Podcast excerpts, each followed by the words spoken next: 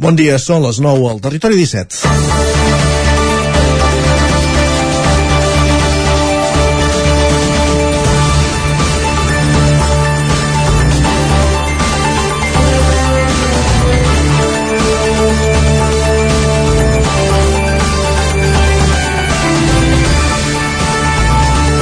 Tornem l'any 2022 i continuem amb la mateixa cançoneta que vam acabar el 2021. Els contagis de Covid-19 continuen desbocats. Segons dades de salut, només la setmana passada se'n van declarar 3.751 a Osona. Aquestes dades tripliquen les, els registres de mitjan desembre i superen de tros les xifres de les altes onades de la pandèmia. Ara mateix un 51% dels testos d'antígens que es fan als centres d'atenció primària donen positiu. Un indicador de com s'ha complicat la situació és que la variant Omicron va irrompre a Catalunya. Osona presenta un risc de rebrot disparat de 5.239 punts a Osona i una velocitat de propagació superior a 1, la qual cosa ratifica que el coronavirus està en fase d'expansió. D'aquesta manera, avui es resprèn l'activitat també escolar, amb nous protocols. Des de la reobertura dels punts massius a principis de desembre, a la Catalunya central s'han posat 90.000 dosis de la vacuna, però hi ha més de la meitat de cites lliures. Totes aquestes dades el que fan és evidenciar la necessitat de continuar la vacunació. Comença el Territori 17, avui dilluns, 10 de gener de 2022. Com cada dia, a la sintonia d'Ona Codinenca, la veu de Sant Joan, Ràdio Cardedeu, Ràdio Vic, el 9 FM i el 9 TV. Territori 17, amb Isaac Moreno i Jordi Sunyer.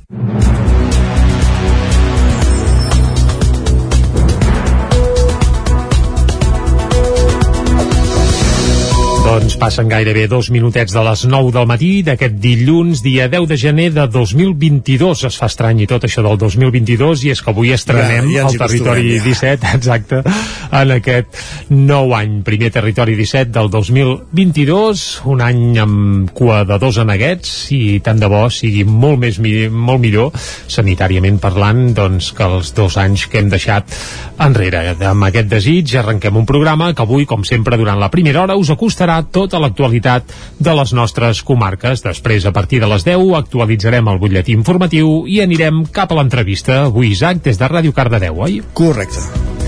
Més endavant seguirem, seguirem i per, farem com sempre piulades amb en Guillem Sánchez, passarem per la taula de redacció i avui com que és dilluns farem un repàs a com els ha anat els equips del nostre territori al cap de setmana esportivament parlant. Això ho farem just abans de les 11. Correcte, i passat el punt de les 11 serà el moment com cada dilluns des de Ràdio Vic i amb l'Eloi Puigferrer d'endinsar-nos de, en el món de la solidaritat als solidaris. I acabarem com sempre la darrera mitja hora de Territori 17 fent tertúlia esportiva avui per parlar d'un cap de setmana marcat doncs, per un Barça que, bé, que només va poder sumar un puntet al camp del Granada i un espanyol que també va fent doncs això, a la part final els nostres tertulians I una, i una habituals i una prèvia del Supercopa entre el Barça i el Madrid. És veritat, això és dimecres, no? Sí senyor. És, és, és ja això. Sí, sí, demà passat. Em sembla que no l'acaben, la fan una mica lluny, pot ser Sí, eh? l'Aràbia Saudita. Uh, Bé, qui té els diners eh, s'emporta els partits en vol. Però bé, això serien figues d'un altre paner. Ara el que toca és acostar-vos com sem sempre l'actualitat de casa nostra l'actualitat de les comarques del Ripollès, Osona, el Moianès i el Vallès Oriental com avançàvem a la portada, els contagis de Covid-19 continuen desbocats. Segons dades de salut, només la setmana passada se'n van declarar 3.751 a Osona. Aquestes dades tripliquen els registres de mitjan desembre i superen el de tros les xifres de les altres onades de la pandèmia. Ara mateix un 51% dels testos d'antígens que es fan als centres d'atenció primària donen positiu, un indicador de com s'ha complicat la situació des que la variant Omicron va irrompre a Catalunya.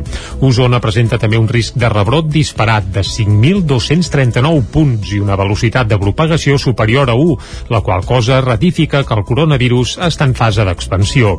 L'única bona notícia és que la Covid es manifesta de manera més lleu, amb menys defuncions i que els pacients ingressats escurcen notablement l'estada a l'hospital. Per grups d'edat, a hores d'ara destaca la incidència a la franja d'entre 18 i 49 anys. La regió sanitària Catalunya Central ha reconegut públicament aquest cap de setmana que el sistema de salut està massa tensionat. Entre les restriccions vigents, que continuaran actives almenys fins al proper dia 21 de gener, ha el toc de queda nocturn a Vic, Manlleu, Torelló i Ripoll, la limitació de les trobades a un màxim de 10 persones i l'obligació que tots els establiments no essencials tanquin com a molt tard a la una de la matinada. També es mantenen les mesures bàsiques de prevenció, fer servir mascareta, mantenir les distàncies, netejar-se les mans i ventilar tant com sigui possible.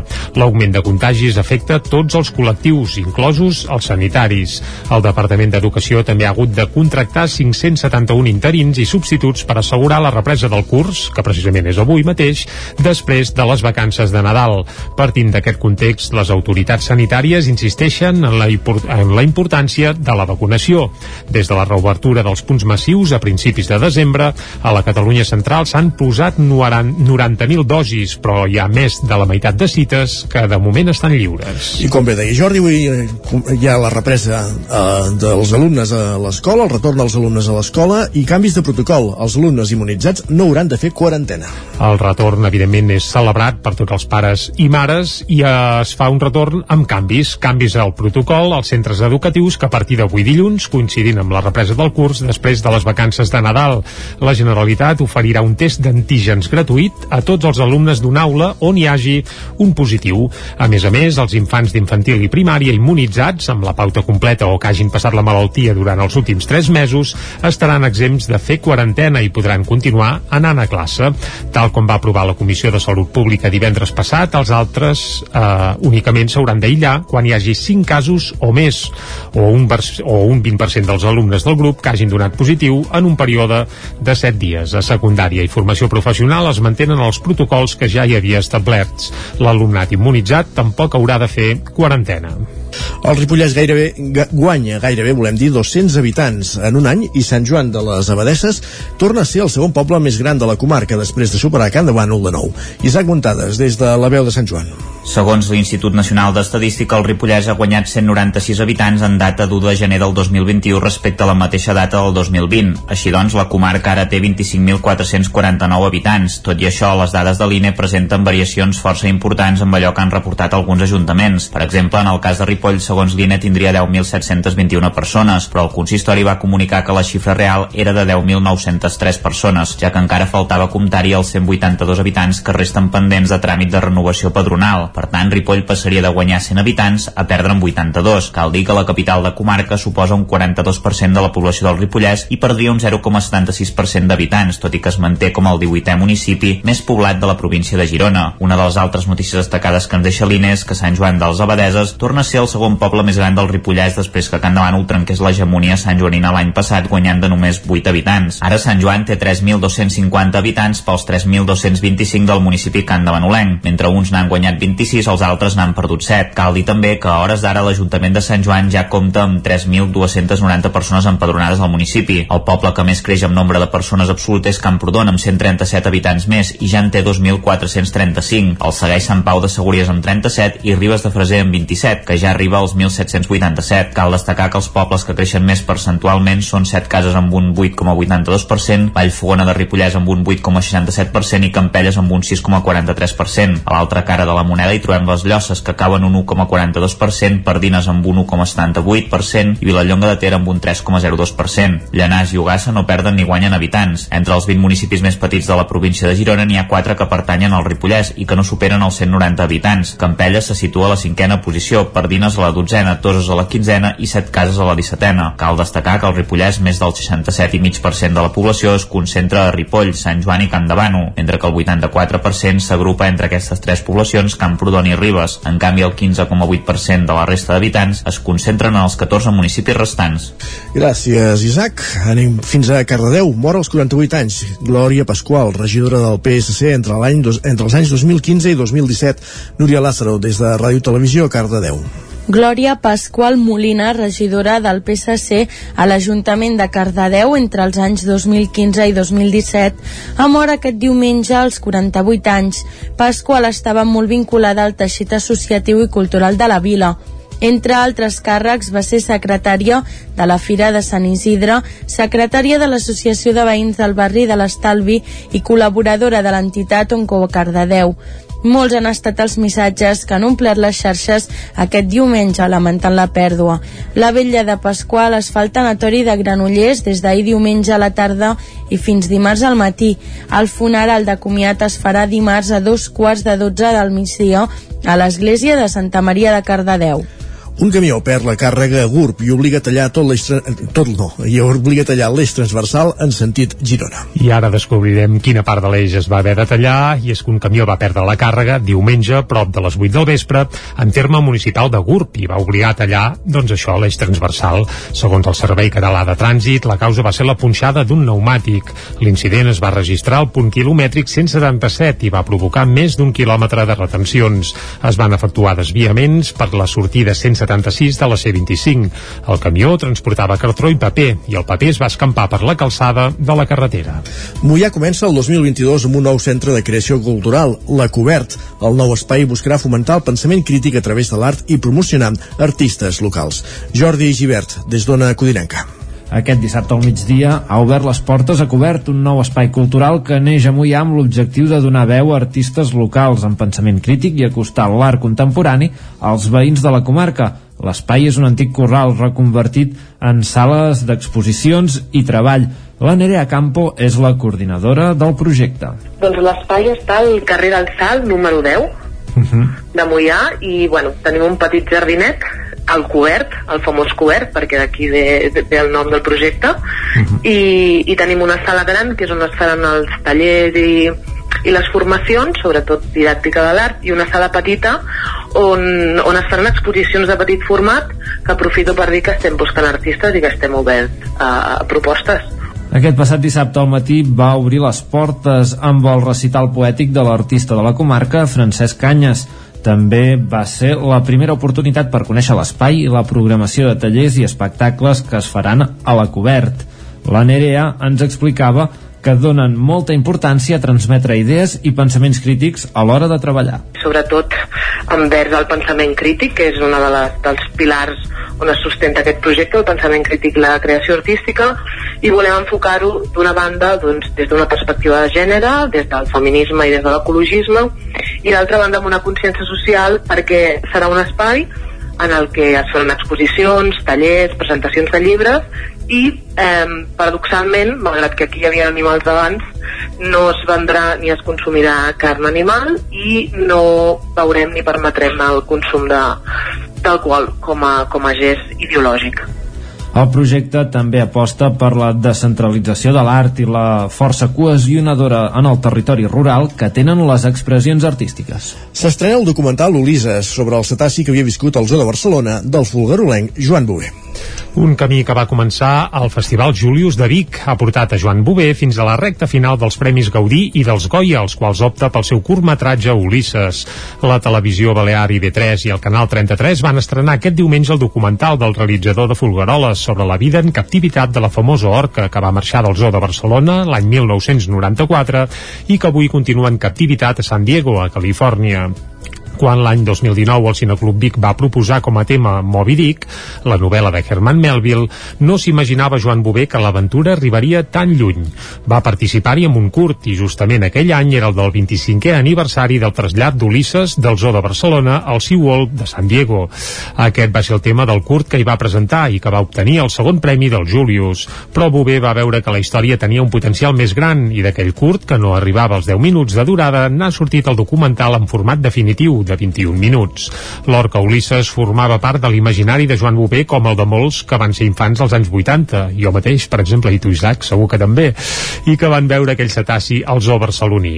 La casualitat va voler que quan treballava per a BTV i fent un reportatge sobre l'observació de balenes a la costa catalana, conegués Albert López, que havia estat entrenador de l'orca Ulisses. En aquell moment havia canviat la seva professió i es dedicava just al contrari, a portar gent a veure-les en llibertat. I així va ser com Bové va proposar a López d'anar a Califòrnia per retrobar-se amb Ulisses. L'any 1994 l'orca havia estat traslladada al SeaWorld de San Diego perquè la piscina on vivia a Barcelona se li havia fet massa petita. El documental planteja la relació dels humans amb altres éssers vius i com aquesta ha anat canviant a poc a poc en positiu. I obrim pàgina esportiva per explicar que, que ahir va haver-hi una victòria d'etapa de Gerard Ferrés al Dakar i ara ja és segona en la seva categoria de buguis. Cap de setmana tranquil al Dakar amb l'etapa de descans de dissabte, una pausa que va servir a Gerard Ferrés per tornar amb més força que mai. Si divendres el pilot de Manlleu era vuitè i baixava fins al quart lloc a la general dels T4, aquest diumenge va aconseguir la primera victòria d'etapa d'aquesta edició, que l'enfilava fins a la segona posició de la general a 6 minuts i 22 segons del líder, Austin Jones. Una doble penalització al primer i segon classificats del dia en la categoria era la que li va permetre erigir-se com a campió després dels 402 quilòmetres d'especial. Qui també s'apropa al podi dels prototips lleugers és el biguetà Marc Solà, que fa de copilot de Santi Navarro. Amb un desalloc divendres i un cinquè diumenge, va escalar fins a la cinquena posició a la general a 4 hores, 31 minuts i 52 segons del líder Chaleco López. En el cas dels cotxes, la pilot resident a Ceba, Laia Sanz, va aconseguir divendres la millor classificació fins llavors a la prova, després de completar els 347 quilòmetres cronometrats del bucle de Riat. Sanz va acabar 22ena i va escalar a la General fins a situar-se al lloc 26 de la General de Cotxes. Aquest diumenge, al costat del seu copilot Maurizio Gerini, va ser 26ena a causa de problemes de navegació i dues punxades i és també 26ena a la General. Per la seva banda, Nani Roma, que després de perdre les opcions de victòria fa tasques d'equip, va ser cinquè divendres i novè diumenge, de manera que ara ocupa el lloc 58 a la General al costat del seu copilot Alex Aro, que continua a la prova amb una costella trencada. Passa un minut d'un quart de 10, continua el territori 17. Aquí, acabem aquí aquest repàs informatiu que començàvem a les 9 en companyia de Núria Lázaro, Jordi Givert, Isaac Montades i Jordi Sunyer. Moment de conèixer la previsió meteorològica.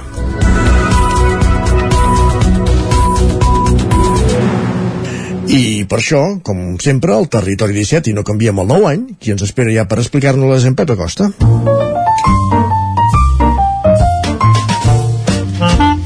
Casa Terradellos us ofereix el temps. Un Pep Acosta, qui ja saludem ara mateix. No li preguntarem pas com li ha anat, eh? El cap d'any, el Nadal i tot plegat, però segur que ens en explicat una cosa. Pep, molt bon dia. Hola, I bon any. molt bon dia. Bon dia, bon dia. Benvinguts a la informació del temps. Igualment, El gràcies. 2020 ha, ha sigut ja, el 2021, perdó, ha sigut Històric. un any negre en tots els El aspectes. 20 encara. I amb el El temps 21. també, eh? Molt, Sí. molt, molt dolent, molt dolent. Ara esperem que aquest 2022 sigui més, més normal i pugui haver-hi un clima més o menys normal que tenim a casa nostra. Aquests dies anem ja pel futur, anem pel present pel futur, eh, estan una mica cap al Pirineu eh, entre ahir i avui. Eh, però han anat més cap al Pirineu occidental eh, a casa nostra. Poca cosa, poder 5-10 centímetres. A tot estirar 15-20 a les cotes més altes del Ripollès a la resta poca cosa algun núvol però de moment sense precipitacions i avui avui ens agafem unes temperatures eh, no molt baixes, només glaça alta muntanya, i és que el vent fa això, eh, que la temperatura està bufant vent també, ben important, sobretot cap, també cap al nord del Ripollès, i això fa que la temperatura no baixi excessivament. Uh, de cara a la tarda uh, poden augmentar els núvols i fins i tot poden caure quatre gotes a les zones del Montseny i les pròximes. Uh, però si cauen, que, que no està clar que caiguin, si cauen seran això, quatre gotes, molt poca precipitació. La nevada continua caient cap a uns 1.500-1.600 metres, però ja a la tarda vespre es tallarà i ja no nevarà més. Uh, tenim aquest petit front que ens està creuant, però avui ens acabarà de creuar del tot. Les temperatures màximes entre els 10 i els 15 graus, la majoria de les, de les ciutats i pobles, òbviament més baixes a les zones de muntanya. De cara als pròxims dies farà fred, eh, entre vent de nord, que serà destacable avui, i aquest aire fred quedarà a les, a les nostres comarques almenys fins dijous o divendres. Això sí, eh, fred però sec. No plourà, no nevarà, gairebé en tota la setmana. Gairebé seguríssim que no nevarà ni plourà en tota la setmana. I això és tot. A disfrutar del dia d'avui, d'aquesta tornada, entre cometes, a la normalitat. Clar que hi ha molta gent que ha treballat, eh? Però tant. espero que tinguem una molt bona tornada a normalitat i que el temps aquest 2022 sigui molt millor, molt millor que el 2021. Moltes gràcies, adeu. Per ara continua com va acabar, eh? sense pluja ni neu, eh? Bé, almenys ara ens hem situat una mica pel que fa a temperatures en la normalitat sí. de l'any, perquè els dies de Nadal semblava que estiguéssim gairebé ple estiu, eh? No Bé, cal- ple, ple anaves en estiu, curta, tu, no? Doncs mira, doncs sí, a, a veus? fer alguna excursió i vaig anar amb calça curta Molt i bé. recordo enfilar algun cim proper de per aquí a Osona i fer-ho amb màniga curta també. Veus? Això pels vols de Nadal, una situació del tot extraordinària. I no anem bé, eh? Això del canvi climàtic, si algú no s'ho acaba de creure, que faci un cop d'ull al temps que Ara ha fet aquest. Nadal i bé, demà ho repassarem amb en Manel Dot, que ens vindrà a fer un balanç de, de l'any que deixem enrere i del mes de desembre, però crec que ens ho hem d'agafar seriosament perquè tot plegat uh, no pinta gaire bé en aquest sentit. Però bé, tanquem aquí el bloc, tanquem el bloc meteorològic i anem ara a fer un cop d'ull a les portades. Va. Casa Tarradellas us ha ofert aquest espai. Doncs sí, vinga, moment d'entrar al quiosc. I què diuen els diaris del 10 de gener del 2022 a les seves portades, Jordi? Doncs va, començarem pel 9-9, que evidentment, com que som dilluns, doncs també ha sortit al carrer i comencem per l'edició d'Osona i el Ripollès, cobra explicant rècord de contagis a Osona i el Ripollès, més de 4.200 en només una setmana. El subtítol explica que puja la incidència del virus, això sí, a menys ingressos i defuncions que en altres onades. També la meitat dels testos ràpids donen positiu, un percentatge que fa faradat perquè no s'havia vist pràcticament en els darrers dos aquí va, anys. val a dir una cosa, eh, que ara només es fa test pràcticament aquí és contacte estret. O qui té, sí- ah, no, perdó, qui té símptomes, per tant ja, ja fas una Sí, ja cribes una mica, això també és cert. Però vaja, però, però déu nhi ja t'he dit. Més coses. Nit de Reis centenària i amb reivindicació a Sant Quirze, Sant Quirze de Besora, que fan els pastorets des de fa més de 100 anys, i els dies de Reis fan Nit de Reis, que és una espècie de pastorets, però més centrats amb ses majestats, els Reis d'Orient, doncs la representació que van fer al teatre al centre de Sant Quirze aquest cap de setmana anava tenyida de reivindicació. I és que, bé, eh, diguem que l'entitat té un conflicte amb un veí per al teatre al centre per uns temes d'insonorització i altres detalls i diguem que es van posicionar doncs, que dient que el centre no es toca. Això apareix a la portada del 9-9 d'Osona i el Ripollès, on també s'hi explica que hi ha una casa reduïda a cendres i és que un incendi va calcinar una casa de fusta amb dos habitatges el passat divendres a Camprodon i que la indústria càrnia puja el tren dels aliments amb proteïna vegetal. Això també s'explica a l'edició d'Osona i el Ripollès del 9-9. Anem al cap al Vallès Vallès Oriental i comencem amb el titular principal que diu la nova unitat de recuperació de salut mental de Granollers sense estrenar a causa de la burocràcia. Dos mesos després de la seva inauguració encara no ha atès cap malalt déu nhi La fotografia principal pel comerç local que fa carrers vius. Això explica el president aragonès que va visitar botigues històriques de Granollers i va defensar el comerç de proximitat que, obrim cometes, articula les ciutats. Això va dir el president aragonès en la visita que hi va fer aquest cap de setmana acompanyat de l'alcalde Mayoral. Més coses que apareixen a la portada del 9-9 del Vallès Oriental i apareix la Paula González, una noia amb els cabells liles, evidentment deu ser tenyida, i és una tiktoker ballesana amb 260.000 seguidors. En té més que tu i jo junts, Isaac. Segur. Ah, seguríssim. Més coses. Fan refugis experimentals per a llúdrigues al riu Congost amb restes vegetals d'acàcies i plataners.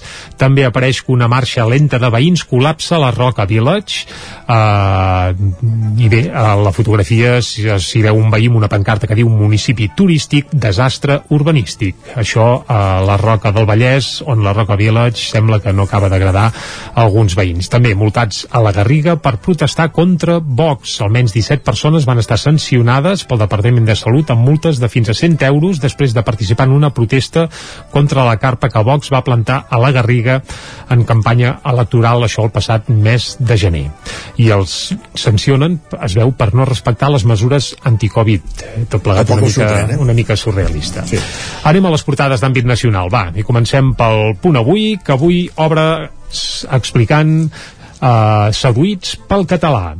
Uh, bé, sempre parlem de males notícies relacionades amb el català, però avui ens ho mirem des de l'òptica positiva, i és que hi ha 150 universitats del món que tenen estudis en llengua catalana, i els alumnes demanen sobretot que no es canvin el castellà, els que s'adrecin a ells, perquè així doncs el poden aprendre molt millor. Això sí, la, moltes d'aquestes universitats que hi ha escampades pel món no són a l'estat espanyol, eh? però, però vaja, això serien figues d'un altre paner, com diem de vegades. També, mateix curs, nou protocol. I es veu una aula, en aquest cas, no d'una universitat del món, sinó d'una escola de primària catalana, on expliquen les classes es reprenen avui, coincidint amb la posada de 14 milions de vacunes. També les rebaixes fan disparar l'atractiu comercial. Anem cap al diari ara, que el munt titular principal, que és votació a votació. Els comuns, principal aliat del govern. Són la formació que ha donat més suport a les 21, a les 21 iniciatives de l'executiu, amb 13 6 i 4 abstencions. Més, per tant, que la CUP, que en teoria seria el soci preferent. Més informació a la fotografia principal a l'ara és per les nacres. Què són les nacres? Doncs una espècie de musclos que diu que estan al límit de l'extinció. Això sí, a l'ara n'han trobat una i l'han retratat i apareix a la portada. Molt bé. També subvencions, publicitat i dinar sota sospita a Tarragona Ràdio. Això apareix també a la portada del diari Ara. Anem cap a l'avantguàrdia. El curs escolar es reprèn amb dos terços dels nens sense vacunar. Això apunten a la portada de l'avantguàrdia, on també expliquen que molts infants es fan prova d'antígens abans de tornar a les aules. Uh, la fotografia precisament il·lustra aquesta uh, notícia.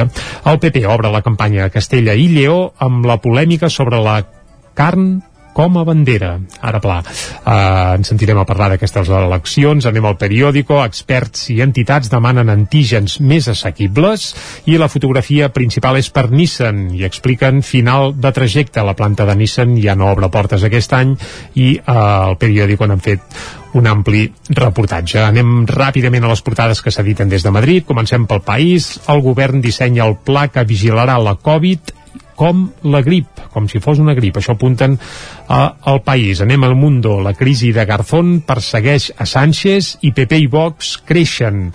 A la raó sempre creixen Sí, sí, Vox, sempre. és per on, sí. Llavors, a les, a les urnes és una altra cosa. Sí, uh, anem a l'ABC. Va, el Congrés porta 3 anys sense controlar els fons reservats i això ho descobreix l'ABC. I la fotografia per una mani que hi va haver ahir a Madrid i també diuen Garzón, uh, cese o dimisión. Ho dic en castellà perquè així uh, fem el Tot, rodolí. tot perquè És parlant malament de la ramaderia intens, eh, intensiva, eh? En fi. Sí, ves per on. I acabem a la raó, ràpidament, el PP augmentarà la pressió a Sánchez per frenar a Vox. I hi ha una pancarta que diu Sánchez, échale. Échale. Uh, Nosaltres li eixem i posem publicitat. Sí. Tornem. 3 minuts. El nou FM, la ràdio de casa, al 92.8. Això és el que s'escolta al voltant d'una caldera saunia d'Oval. Tranquilitat i benestar, perquè gaudeix del millor manteniment del servei tècnic oficial per estar despreocupat. O el que vulgui. Informis a Oficiat Nord trucant al 938860040. Saunier d'Oval, sempre al seu costat. Vine a Autoscola Montseny. Ara és el moment de fer els cursos de teòrica intensius, ràpid i eficaç. T'informarem dels PACs, permís de moto de 16 i 18 anys i permís de cotxe. I si vens a veure'ns, tindràs un obsequi. Apunta't i no t'ho pensis més. Per més informació, Autoscola Montseny, Rambla de Vallades, número 13 de Vic. Busca'ns a Instagram i Facebook. Amb Pradell estalvio energia i cuido la meva butxaca i el medi ambient. Posa't en mans a Pradell, són experts en calderes de gas i condensació, estufes de pèl·let, energia solar, terres radiants i geotèrmia. Pradell instal·la calderes de biomassa per a particulars i per a empreses. Si vols estalviar un 50% en consum, contacta amb Pradell i passa't a les energies renovables.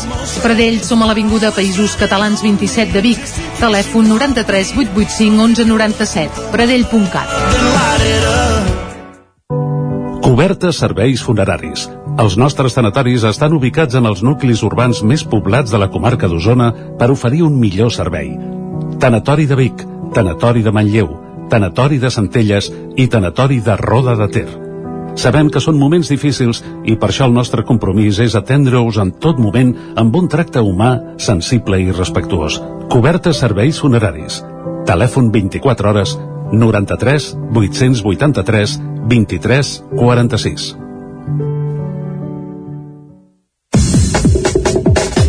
La ràdio de casa al 92.8. El 9 FM. Cocodril Club. Si t'agrada la bona música dels anys 60, 70 i 80, escolta el 9 FM als matins de dissabtes i diumenges d'11 a 1. És el temps del Cocodril Club, tot un clàssic de la ràdio, amb les bases del pop-rock, les llegendes, les cançons que s'han convertit en autèntics himnes. Recorda, dissabtes i diumenges al matí, d'11 a 1, al 9 FM 92.8. Cocodril Club, el programa revival de l'Albert Malla. Hasta luego, Anuncia't al 9FM. La màquina de casa. 9 3 8 8 9 4 9 4 9 Publicitat arroba al 9FM.cat. Anuncia't al 9FM. La publicitat més eficaç. El 9 FM, el 9 FM, el 9 FM, el 9 FM, el 9 FM. Dos quarts de deu. Territori 17, amb Isaac Moreno i Jordi Sunyer.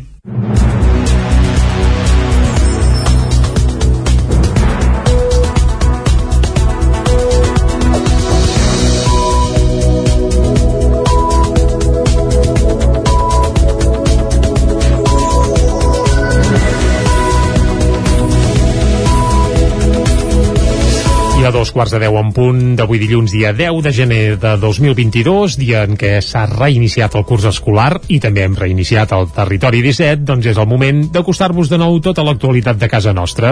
Això sí, abans us avancem una mica el menú que tindrem fins a les 12 del migdia. Una mica abans de les 10 i posarem música. Avui, eh, des de Cardedeu arribarà Carai. la música, però no expliquem gaire res més. És una Doncs estrena, una estrena d'un cardedeuenc eh, també vinculat a d'altres projectes eh, a la població vallesana, però ho descobrirem de seguida. Molt bé. A les 10 actualitzarem butlletí informatiu i després anirem cap a l'entrevista. I avui també, precisament, des de Ràdio i Televisió Cardedeu, per parlar amb l'Òscar Muñoz del Festival Tasta Autors. En parlarem res d'aquí tres quarts d'hora. Molt bé, més coses. A dos quarts d'onze en punt arribarà el moment de la piulades amb en Guillem Sánchez. Després passarem per la taula de redacció i obrirem tot seguit pàgina esportiva. Farem un repàs del que ha estat l'activitat esportiva del cap de setmana a les comarques del territori 17, el Ripollès, Moianès, el Vallès Oriental i Osona. A les 11 actualitzarem de nou el butlletí informatiu i després arribarà el moment dels solidaris. Com cada setmana des de Ràdio Vic, avui parlant de Llanetes, l'Eloi Puigferrer ens portarà una entitat més des de l'àmbit solidari I, aquesta setmana. I a la darrera mitja hora tindrem temps de pujar a la R3. Per cert, avui entre Vic i la Tour de Carol el servei es fa en autobús Mm. per, per variar i hi ha problemes a la R3. I, eh, a més a més, acabarem fent tertúlia esportiva, com sempre, perquè és dilluns i toca parlar de, del cap de setmana futbolístic. Amb l'Isaac Montades, en Lluís de Planell i en Guillem Freixa. Això ho farem a la part final d'un programa que ara segueix acostant-vos de nou l'actualitat de casa nostra, l'actualitat de les comarques del Ripollès, Osona, el Vallès Oriental i el Moianès. Com avançàvem a la portada, els contagis de Covid-19 continuen desbocats. Segons dades de salut, només la setmana passada se'n van declarar 3.751 a Osona. Aquestes dades tripliquen els registres de mitjan desembre i superen el, de tros les xifres de les altres onades de la pandèmia. Ara mateix un 51% dels testos d'antígens que es fan als centres d'atenció primària donen positiu, un indicador de com s'ha complicat la situació des que la variant Omicron va irrompre a Catalunya. Osona presenta també un risc de rebrot disparat de 5.239 punts i una velocitat de propagació superior a 1, la qual cosa ratifica que el coronavirus està en fase d'expansió. L'única bona notícia és que la Covid es manifesta de manera més lleu, amb menys defuncions i que els pacients ingressats escurcen notablement l'estada a l'hospital. Per grups d'edat, a hores d'ara destaca la incidència a la franja d'entre 18 i 49 anys. La regió sanitària Catalunya Central ha reconegut públicament aquest cap de setmana que el sistema de salut està massa tensionat. Entre les restriccions vigents, que continuaran actives almenys fins al proper dia 21 de gener, hi ha el toc de queda nocturn a Vic, Manlleu, Torelló i Ripoll, la limitació de les trobades a un màxim de 10 persones i l'obligació que tots els establiments no essencials tanquin com a molt tard a la una de la matinada. També es mantenen les mesures bàsiques de prevenció, fer servir mascareta, mantenir les distàncies, netejar-se les mans i ventilar tant com sigui possible. L'augment de contagis afecta tots els col·lectius, inclosos els sanitaris. El Departament d'Educació també ha hagut de contractar 571 interins i substituts per assegurar la represa del curs, que precisament és avui mateix, després de les vacances de Nadal. Partint d'aquest context, les autoritats sanitàries insisteixen en la, en la importància de la vacunació. Des de la reobertura dels punts massius a principis de desembre. A la Catalunya central s'han posat 90.000 dosis, però hi ha més de la meitat de cites que de moment estan lliures. I com bé deia Jordi, avui eh, hi ha la represa eh, dels alumnes a l'escola, el retorn dels alumnes a l'escola i canvis de protocol. Els alumnes immunitzats no hauran de fer quarantena. El retorn, evidentment, és celebrat per tots els pares i mares i es fa un retorn amb canvis. Canvis al protocol als centres educatius que a partir d'avui dilluns, coincidint amb la represa del curs després de les vacances de Nadal, la Generalitat oferirà un test d'antígens gratuït a tots els alumnes d'una aula on hi hagi un positiu. A més a més, els infants d'infantil i primària immunitzats amb la pauta completa o que hagin passat la malaltia durant els últims 3 mesos estaran exempts de fer quarantena i podran continuar anant a classe. Tal com va aprovar la Comissió de Salut Pública divendres passat, els altres eh, únicament s'hauran d'aïllar quan hi hagi 5 casos o més, o un, o un 20% dels alumnes del grup que hagin donat positiu en un període de 7 dies. A secundària i formació professional es mantenen els protocols que ja hi havia establerts. L'alumnat immunitzat tampoc haurà de fer quarantena. El Ripollès gairebé guanya, gairebé volem dir 200 habitants en un any i Sant Joan de les Abadesses torna a ser el segon poble més gran de la comarca després de superar Can de Bànol de nou. Isaac Muntades, des de la veu de Sant Joan.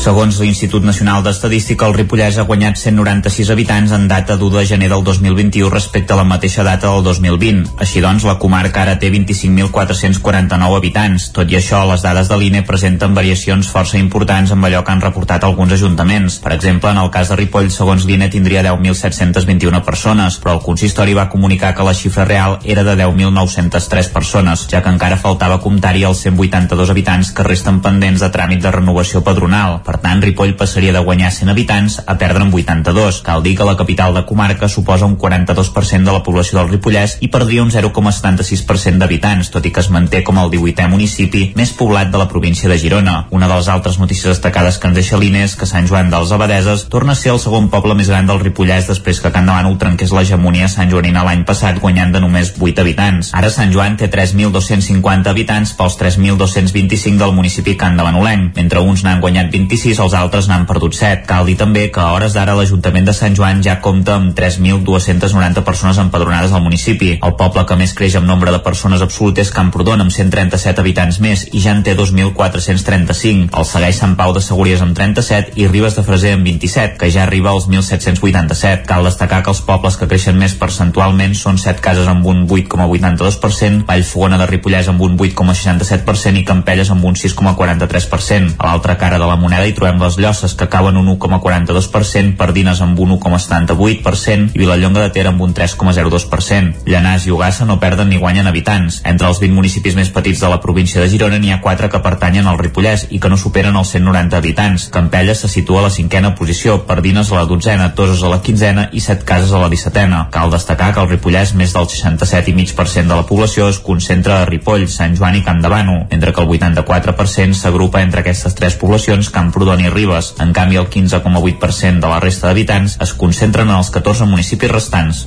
Gràcies, Isaac. Anem fins a Cardedeu. Mor als 48 anys. Glòria Pasqual, regidora del PSC entre, l'any entre els anys 2015 i 2017. Núria Lázaro, des de Ràdio Televisió, Cardedeu. Glòria Pasqual Molina, regidora del PSC a l'Ajuntament de Cardedeu entre els anys 2015 i 2017, ha mort aquest diumenge als 48 anys. Pasqual estava molt vinculada al teixit associatiu i cultural de la vila.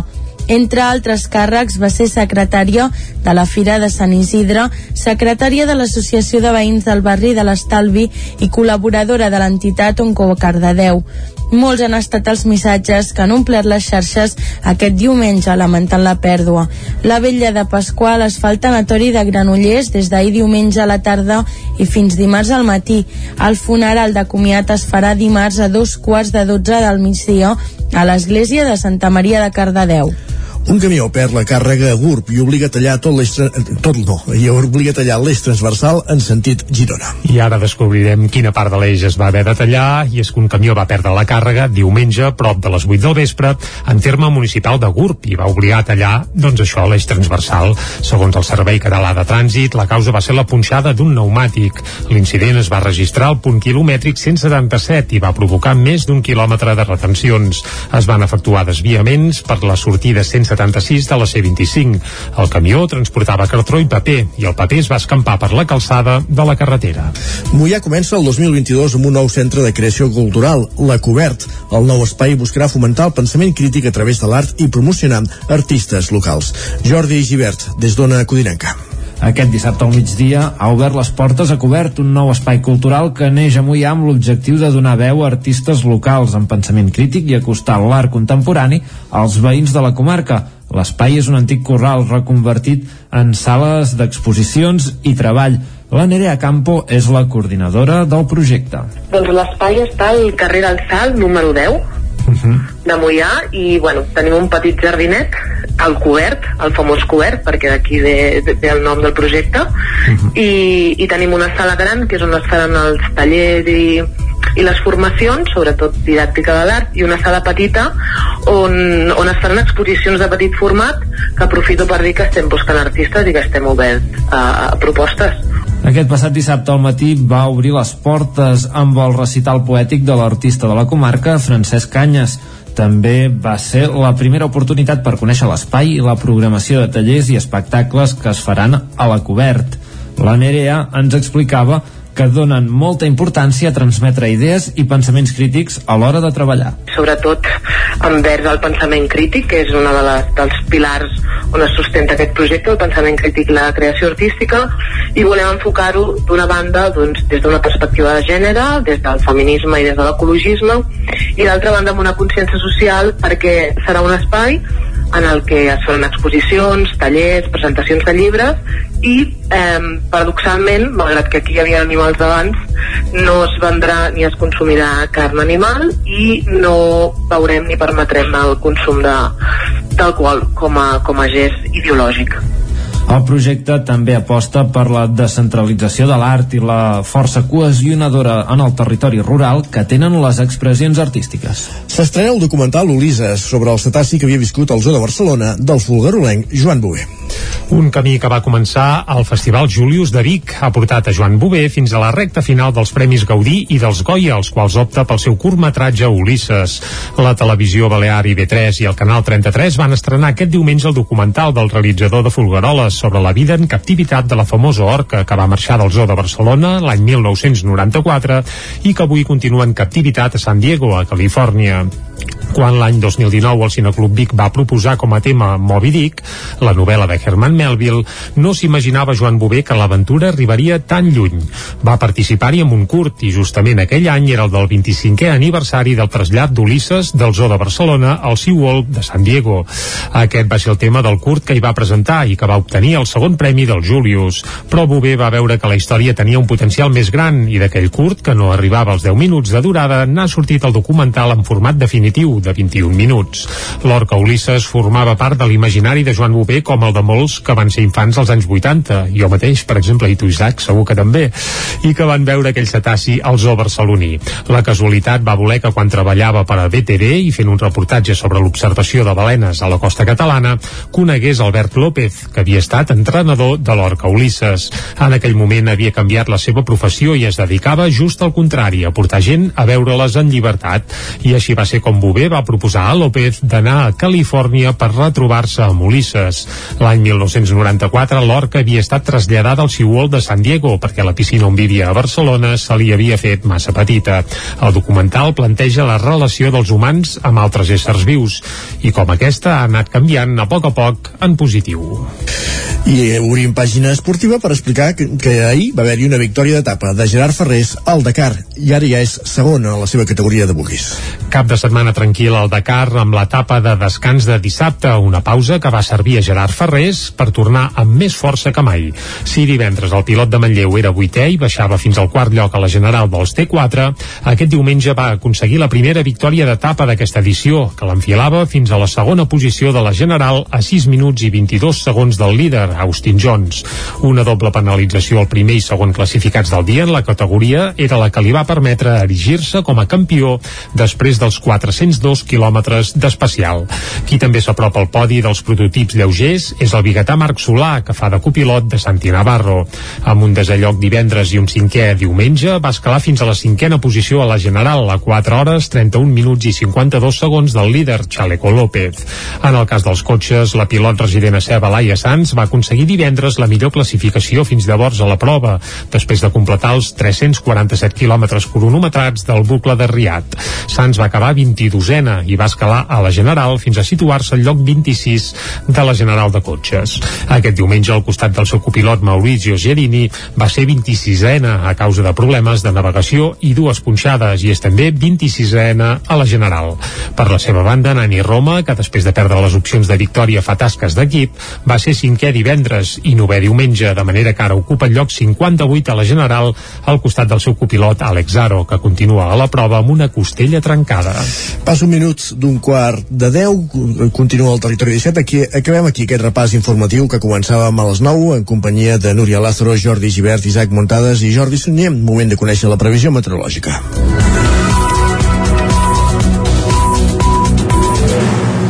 I per això, com sempre, el territori 17 i no canviem el nou any, qui ens espera ja per explicar-nos-les en Pep Acosta.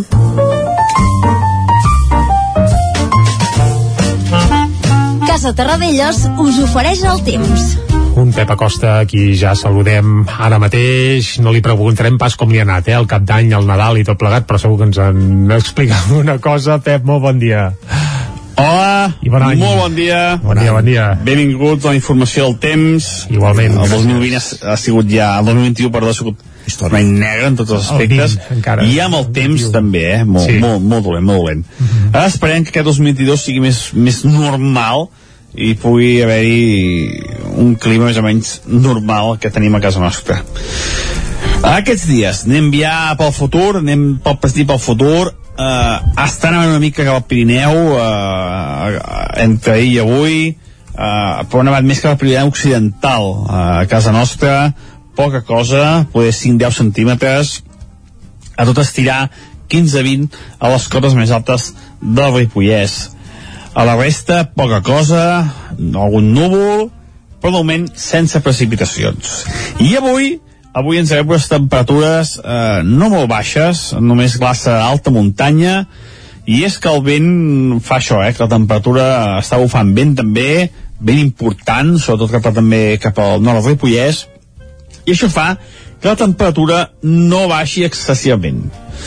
Uh, de cara a la tarda uh, poden augmentar els núvols i fins i tot poden caure quatre gotes a les zones del Montseny i les pròximes. Uh, però si cauen, que, que no està clar que caiguin, si cauen seran això, quatre gotes, molt poca precipitació. La nevada continua caient cap a uns 1.500-1.600 metres, però ja a la tarda vespre es tallarà i ja no nevarà més. Uh, tenim aquest petit front que ens està creuant, però avui ens acabarà de creuar del tot.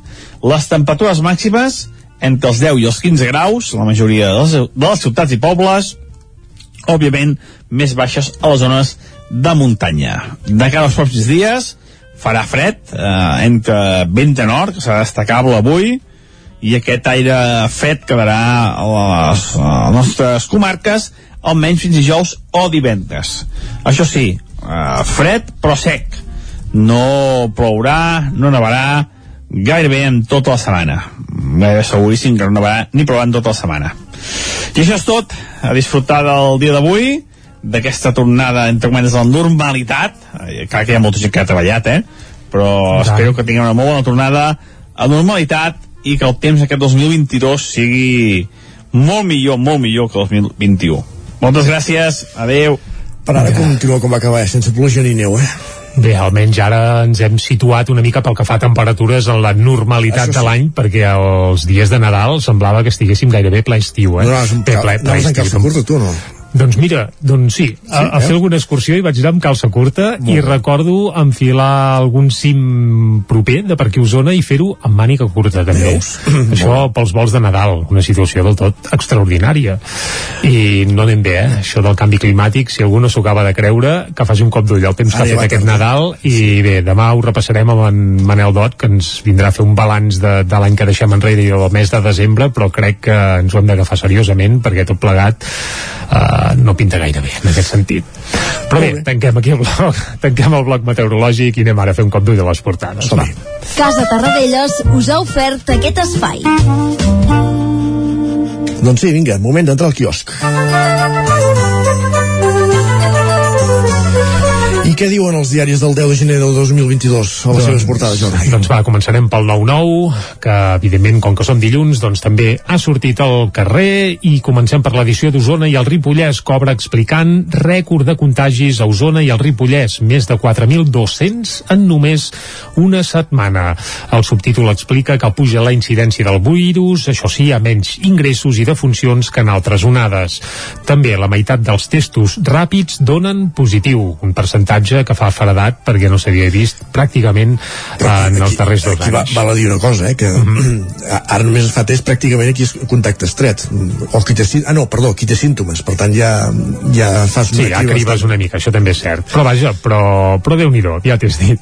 Més coses. Nit de Reis centenària i amb reivindicació a Sant Quirze, Sant Quirze de Besora, que fan els pastorets des de fa més de 100 anys, i els dies de Reis fan Nit de Reis, que és una espècie de pastorets, però més centrats amb ses majestats, els Reis d'Orient.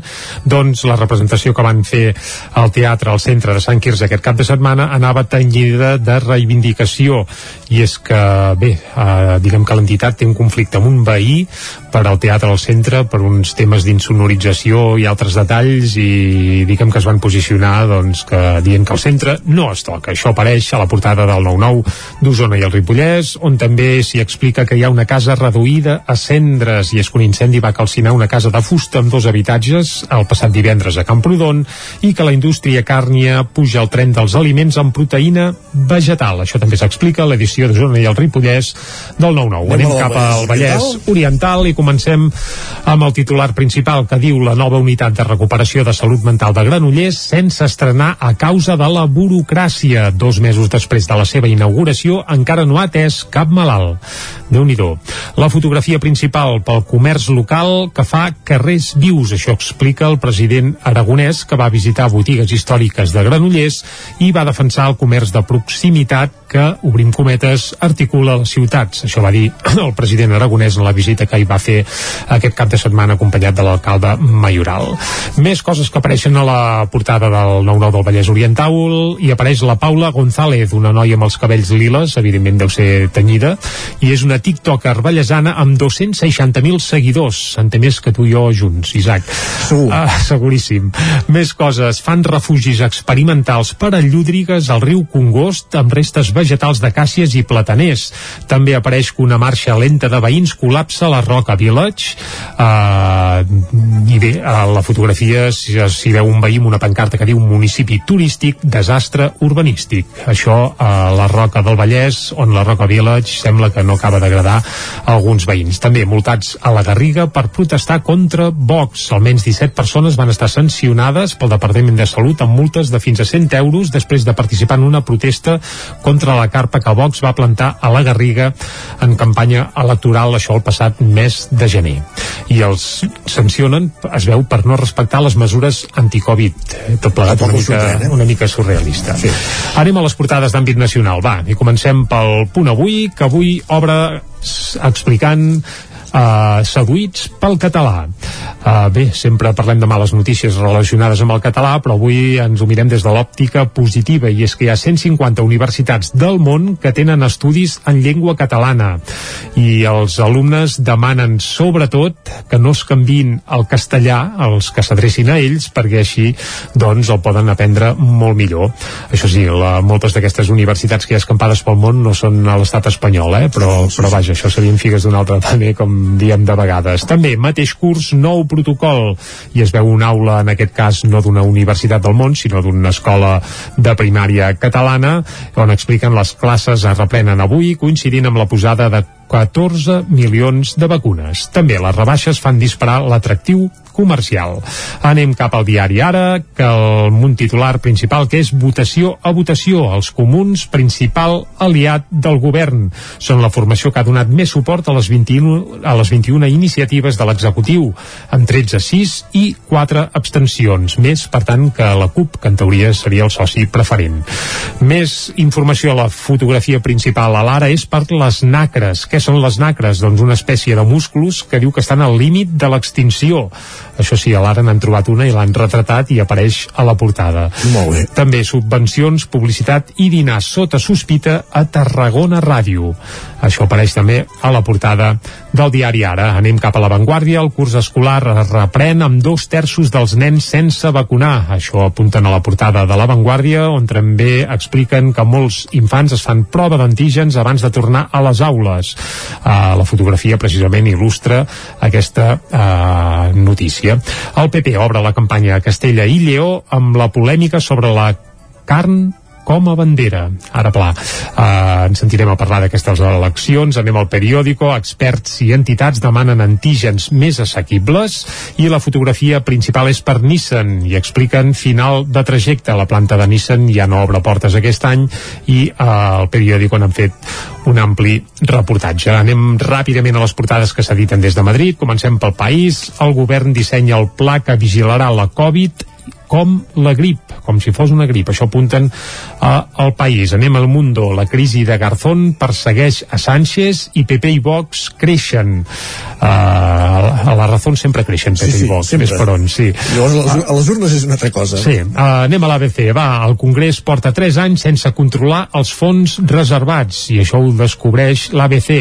I la fotografia per una mani que hi va haver ahir a Madrid i també diuen Garzón, uh, cese o dimisión. Ho dic en castellà perquè així uh, fem el rodolí. Tot perquè parlant És malament de la ramaderia intens eh, intensiva, eh? En fi. Sí, ves per on. I acabem a la Razón, ràpidament, el PP augmentarà la pressió a Sánchez per frenar a Vox. I hi ha una pancarta que diu Sánchez, échale. Eh, eh, eh, échale, Échale, vinga, fot-li, fot-li. Fora, va. Vinga, fem caliu, fem caliu. Uh, deixem les portades, deixem la l'actualitat música, política, i exacte, anem per la música, i uh, avui anem al Vallès Oriental, eh? no ho fem gaire sovint, però és que també s'hi couen novetats i també hi ha músics de... amb el llistó ben alt. Uh, ho dic perquè sovint escombrem cap a Osona, eh? també cal reconèixer però és que clar, és on tenim segurament també un dels planters més importants uh, no només al territori 17 sinó en tot l'àmbit nacional, però vaja avui ens en anem al Vallès i ho farem per descobrir el més nou de Roger Roger. Roger ho escriu R-O-I-G-E amb accent a l'E, eh? és a dir, si es digués Roger, doncs Roy G. I el Roger, doncs aquest eh, és un cantautor, eh, de tall així una mica eh, folky, que ja té uns quants discos editats i aquest 2022 en traurà un altre molt bé. i allò per anar-nos posant la mel als llavis doncs aquesta darrera setmana ha donat a conèixer un nou single del que serà aquest seu nou disc el single és d'una cançó que té certa gràcia que, perquè es diu Fascicles. I pots interpretar-ho com fascicles allò que ara passa quan s'acaben Reis que torna a omplir els quioscos amb fascicles aquells Sí. col·leccionables, etc, però també en fer cicles. Ah. perquè la vida en el fons tots són cicles. Doncs eh, el Roger ho interpreta per aquest segon àmbit diria. Ens quedem amb aquesta cançó el nou single Fas cicles o fascicles tothom que ho llegeixi per on vulgui del Roger, aquest uh, cantautor arrelat a Cardedeu perquè ja fa uns quants anys que, que viu allà i a més a més és el president de l'Associació de Músics de Cardedeu fins i tot. Ens quedem amb aquesta cançó fins al punt de les 10, sí? Vinga.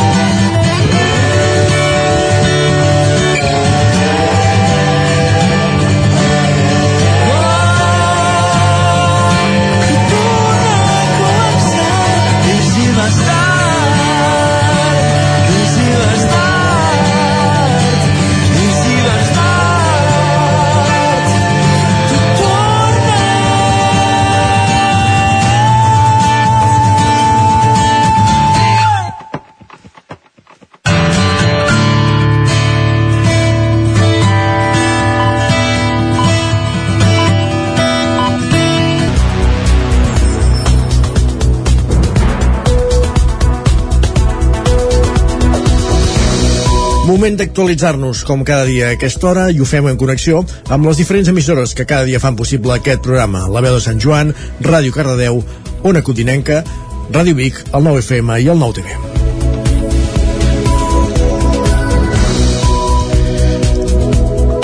Ara fa pràcticament un any i cinc dies, a primera hora d'un 5 de gener, arribava a Osona el que ha estat el punt d'inflexió més important en la pandèmia, la vacuna contra el coronavirus. La infermera Raquel Comelles punxava l'auxiliar de clínica de la residència al Nadal de Vic, Mercè Pardo. Minuts més tard, el segon de la llista era el resident Pere Vila. I el cert és que des d'aquelles primeres punxades s'han administrat a Osona pràcticament 300.000 dosis. Raquel Comelles recorda l'efemèride. Fa un any estàvem al Nadal que vam començar la vacunació va ser un dia molt important a les nostres vides i com a sanitària em vaig sentir molt orgullosa de començar a vacunar tota la població d'Osona. Donar les gràcies a tots els professionals que vam viure aquesta experiència. Va ser moments molt complicats i molt emotius a, a, alhora el primer resident encara està, està bé, està viu, està molt content Primer va ser el torn de vacunar la població vulnerable de residències i els seus treballadors. Després van venir els sanitaris i esglaonadament els grups d'edat en funció també de la seva vulnerabilitat. Ara el que toca són les dosis de reforç que naveguen enmig d'una variant Omicron, això sí, menys greu, i encara amb els estralls de la soca Delta i que estan fent ballar els números d'una pandèmia encara amb mesures restrictives. Ima Cervós és la delegada de Salut de la regió sanitària Catalunya Central. En L'escoltem. aquests moments tenim a la Catalunya central un 40% ja de la soca Omicron. Aquesta soca el que estem veient que les persones afectades necessiten assistència sanitària, és a dir, a la seva àrea bàsica, però no estan ingressant a planta i no estan arribant a UCI. Les persones que tenim tant a planta hospitalària com a UCI són de la variant Delta i recordar que aquests que tenim en UCI són persones no vacunades. Per tant, eh, tenem que la vacunació és una barrera molt important Per això, des de Salut s'insisteix en la importància d'administrar la dosi de reforç per protegir a la població de les noves variants. Al punt de vacunació que hi ha a la Universitat de Vic, ara mateix ja s'hi han administrat 20.000 dosis en adults i un miler a nens i nenes. Anna R. és l'alcaldessa de Vic. La ciutat sempre estarà al costat doncs, de Salut, de la Generalitat, per fer eh, aquesta campanya conjunta per portar doncs, a tota la gent a vacunar i a pensar que així doncs, entre tots millorarem doncs, aquest estat de, de salut de la nostra pròpia ciutat que sempre, diguem-ne que les dades han set altes, però jo vull agrair sobretot doncs, eh, la resposta que ha tingut la, la gent de Vic doncs, a venir-se a vacunar i sobretot la resposta i l'acompanyament que sempre hem tingut des de Salut amb tota aquesta, diguem-ne, moguda no?, que es fa per poder vacunar abonar i per poder anar millorant. Des de la setmana passada, les persones d'entre 40 i 49 anys ja poden demanar cita prèvia per, de, per rebre la dosis de record i augmentar d'aquesta manera la seva immunitat. Gràcies, Jordi. Fem un petit apunt per dues breus informacions d'última hora. Una és arran d'un tuit de l'alcaldessa de Vic, Anna R, que piolava aquest diumenge a la nit, consternats per la mort sobtada d'en Ramon Joany, arquitecte municipal de l'Ajuntament de Vic. El més sentit condol a familiars i amistats, una forta abraçada. És a dir, eh, com dèiem, doncs, aquest fet luctuós, la mort de, de l'arquitecte municipal de l'Ajuntament de Vic, Ramon Joany. Una informació que, com dèiem, donava a través de Twitter l'alcaldessa de Vic, Anna R. I més qüestions, hores d'ara, hi ha l'accés tallat a la C-37, a la Miranda, a Torelló, entre Torelló i Manlleu, eh, arran d'un accident. Eh, estem pendents d'ampliar també aquesta informació. Més qüestions eh, al territori 17. Les bandes reductores de la carretera de Barcelona i de Ribes de Ripoll generen malestar entre els conductors perquè diuen que són molt altes. Isaac Muntades, des de la veu de Sant Joan. Els cinc passos elevats o bandes reductores de velocitat que es van instal·lar entre la carretera de Ribes i Barcelona de Ripoll han generat certa polèmica entre els conductors que els veuen com uns elements que transmeten inseguretat. De fet, arran de la documentació del Boletín Oficial de l'Estado que li va fer arribar un conductor, el regidor del PSC, Joaquim Merino, va demanar en el ple si eren legals. M'apunta sobretot amb el carrer Montgroll de la de Barcelona que hi ha una esquena d'asa que es diu tècnicament que està just al paral·lel al costat d'un pas de cebre i que això desestabilitza la frenada i pot fins i tot fer de trampolí. El BOE diu que ha d'haver-hi uns metres i una senyalització que s'allunyi una mica dels passos de cebre. En absència de la regidora de Seguretat, Dolors Vilalta, el regidor d'Urbanisme, Joaquim Colomer, va contestar-li que la normativa del BOE a la que referia parlava de carreteres, però no de trams interurbans de dins el municipi. L'alcalde Jordi Monell va posar en relleu una sèrie de gràfics que enfortien la decisió presa de col·locar elevats elevats a la carretera Barcelona, ja que allà s'hi va posar un mesurador de velocitat, com també al carrer Progrés, i les bandes rugoses van permetre que la velocitat de mitjana estigués per sota dels 30 km per hora. Abans hi havia vehicles que hi passaven a 50 o 60 km per hora i ara s'havia produït un descens de la velocitat mitjana d'entre un 15 i un 20%. Per tant, s'ha millorat la seguretat en una zona on hi ha l'Institut Abat Oliva i l'escola Joan Maragall. En canvi, al carrer Progrés la velocitat mitjana es va mantenir igual, tot i que durant el primer trimestre del 2022 està previst que s'hi posi una banda rugosa per cada arribar a la subvenció promesa de la Generalitat de Catalunya. Monell va recordar que la instal·lació d'aquests passos sempre ha provocat malestar entre els conductors al principi. A la cartera de Ribes, quan es van posar, també ja fa molts anys, no recordo malament, devia ser el 2012 o 2011 o així, al seu moment també va generar una mica d'alarma, però al final, al cap del temps, de fet, ara és al revés. Alguns veïns de la cartera de Ribes encara es queixen que la velocitat que agafen molts vehicles és molt elevada, perquè aquests passos també, si s'hi han fixat, amb el pas del temps es van relaxar bastant, eh? de fet el primer dia que els van posar en vara han baixat pràcticament 3 centímetres pràcticament, el primer dia el salt era molt més evident, ara pràcticament ja, ja s'han estabilitzat, a la que passen uns quants camions. Com que l'objectiu de l'Ajuntament és reduir la velocitat fent pedagogia, compraran almenys 4 mesuradors de velocitat després de tenir-ne un parell de mostra. Aquests elements s'ubicarien a la carretera de Barcelona, la de Ribes, la de Sant Joan i el carrer Progrés. Gràcies, Isaac. Més qüestions. Reducció històrica de l'atur a Osona després del pic provocat per la pandèmia. Osona ha registrat aquest 2021 un descens històric que ha deixat el nombre de persones en situació d'atur a finals del mes de desembre en 7.050. La reducció respecte a fa un any ha estat del 23,3% segons dades de l'Observatori del Treball i Model Productiu. Això situa aquest mes de desembre amb les millors xifres dels últims 15 anys. La crisi financera del 2008 va tenir un comportament diferent a la crisi del coronavirus. L'any 2009 hi va haver un augment abrupte de l'atur del 33,7% a la comarca d'Osona i la recuperació va trigar gairebé 7 anys en arribar i va fer-ho de forma esglaonada fins a recuperar les xifres prèvies a la crisi. En aquesta ocasió, la pandèmia va fer créixer l'atur del 2020 en un 21,9% a Osona, però un any després ja s'han recuperat les xifres prepandèmiques. A part de la diferència en la naturalesa de la crisi, hi ha hagut, entre d'altres, una pluja d'estímuls econòmics per part de les administracions en contra de les polítiques d'austeritat de la crisi del 2008 i també ha afavorit el manteniment de llocs de treball i l'aprovació dels ERTO, els expedients de regulació temporal d'ocupació. Tot això quan s'està encara pendent d'arribar al pic de la sisena onada de la crisi de la Covid-19 i que encara no se sap quin impacte tindrà aquesta en el mercat laboral durant els mesos que han de venir. Catalunya, amb un descens de l'atur del 25,8%, superior al d'Osona, també ha registrat la disminució interanual més gran de la història, que deixa el nombre de persones en situació d'atur en 369.158. En el conjunt de l'Estat, l'atur registrat baixa en 782.232 persones, un 20,1%, i tanca l'exercici amb poc més de 3,1 milions d'aturats, la xifra més baixa en un mes de desembre a l'estat espanyol des del 2007. Sant Pere de Torelló adjudica finalment les obres del nou Institut Escola. En les dues primeres ocasions el concurs públic havia quedat desert. L'Ajuntament de Sant Pere de Torelló ha adjudicat finalment les obres d'ampliació de l'Institut Escola Josep Maria Xandri després que en dues ocasions cap empresa s'hagués presentat al concurs. El darrer ple va aprovar que les faci l'empresa gironina Arcadi Pla Societat Anònima, que és una de les cinc constructores que es van presentar finalment al concurs després que el consistori optés per modificar el projecte, sobretot a causa de l'encariment de les matèries primeres.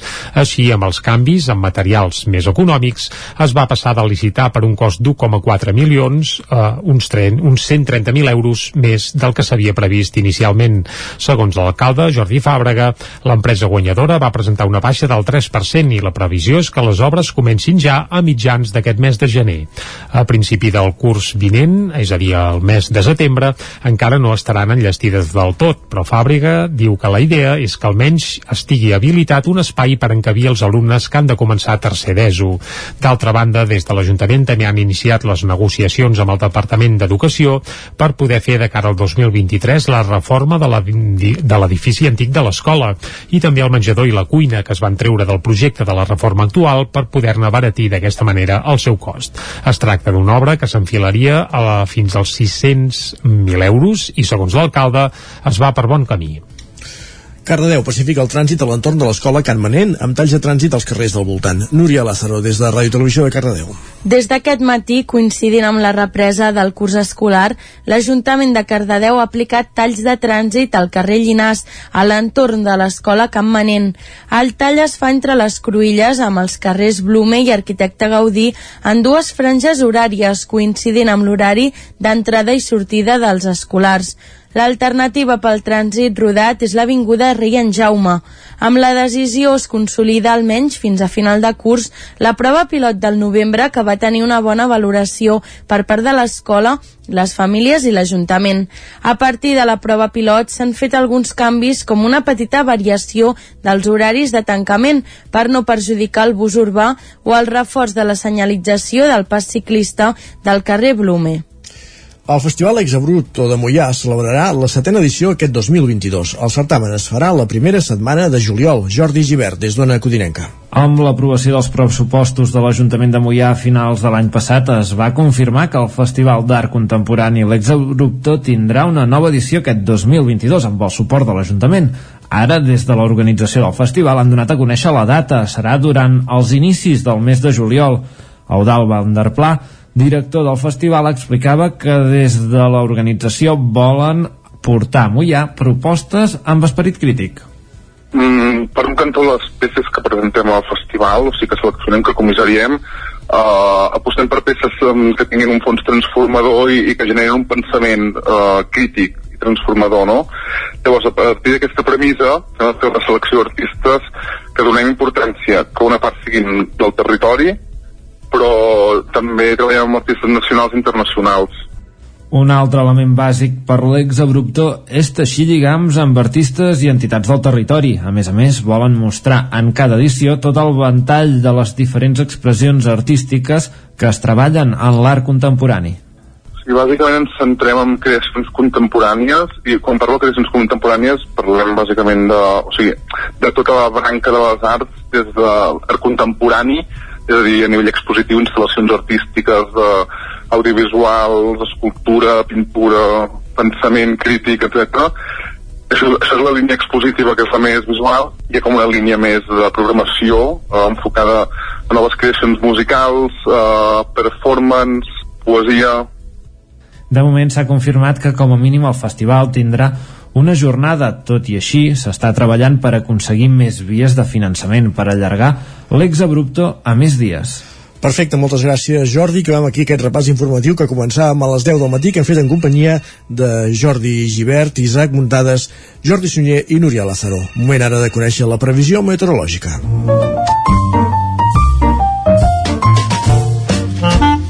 Casa Terradellos us ofereix el temps. I la previsió meteorològica aquí a Territori 17 ens la costa cada dia en Pep Acosta. Aquí li desitgem un molt bon any 2022, però li demanem sobretot que ens expliqui quin temps farà avui. Ara està força tapadot, eh? Uh, Pep, bon dia. Hola, molt bon dia. I molt bona hora. Benvinguts a la informació del temps. I avui, avui ens agafem unes temperatures eh, no molt baixes, només glaça a alta muntanya, i és que el vent fa això, eh, que la temperatura està bufant vent també, ben important, sobretot cap també cap al nord del Ripollès, i això fa que la temperatura no baixi excessivament. Uh, de cara a la tarda uh, poden augmentar els núvols i fins i tot poden caure quatre gotes a les zones del Montseny i les pròximes. Uh, però si cauen, que, que no està clar que caiguin, si cauen seran això, quatre gotes, molt poca precipitació. La nevada continua caient cap a uns 1.500-1.100 metres, però ja a la tarda de vespre es tallarà i ja no nevarà més. Uh, tenim aquest petit front que ens està creuant, però avui ens acabarà de creuar del tot. Les temperatures màximes entre els 10 i els 15 graus, la majoria de les, de les ciutats i pobles, òbviament més baixes a les zones de muntanya. De cara als pròxims dies farà fred, eh, entre vent de nord, que serà destacable avui, i aquest aire fred quedarà a les, a les nostres comarques almenys fins dijous o divendres. Això sí, eh, fred però sec. No plourà, no nevarà, gairebé en tota la setmana. Gairebé seguríssim que no nevarà ni plourà en tota la setmana. Oh. I això és tot. A disfrutar del dia d'avui, d'aquesta tornada, entre cometes, a la normalitat. Clar que hi ha molta gent que ha treballat, eh? Però espero que tinguem una molt bona tornada a normalitat i que el temps aquest 2022 sigui molt millor, molt millor que el 2021. Moltes gràcies, adeu. Vinga, moltes gràcies a tu, Pep. Uh, Isaac, ja ho veus, eh? Aquesta setmana pinta que tampoc hi haurà gaire novetats ni gaire moviments meteorològics. Correcte. Doncs estarem tranquil·lets. Sí, seguirem Amb la tònica d'un mes de desembre amb, bé, amb fred, entre cometes, sense grans fredurades i sobretot amb molta sequera. Fa falta aigua i estaria bé que ens, ens acostés algun front d'aquells que deixés una bona remullada a tot el territori 17, perquè la veritat és que comença, comença a fer una mica de por, això. Anem per l'entrevista. Anem per l'entrevista, va, anem-hi. Casa Tarradellas us ha ofert aquest espai. Territori 17. Envia'ns les teves notes de veu per WhatsApp al 646 079 023. 646 079 023. WhatsApp Territori 17.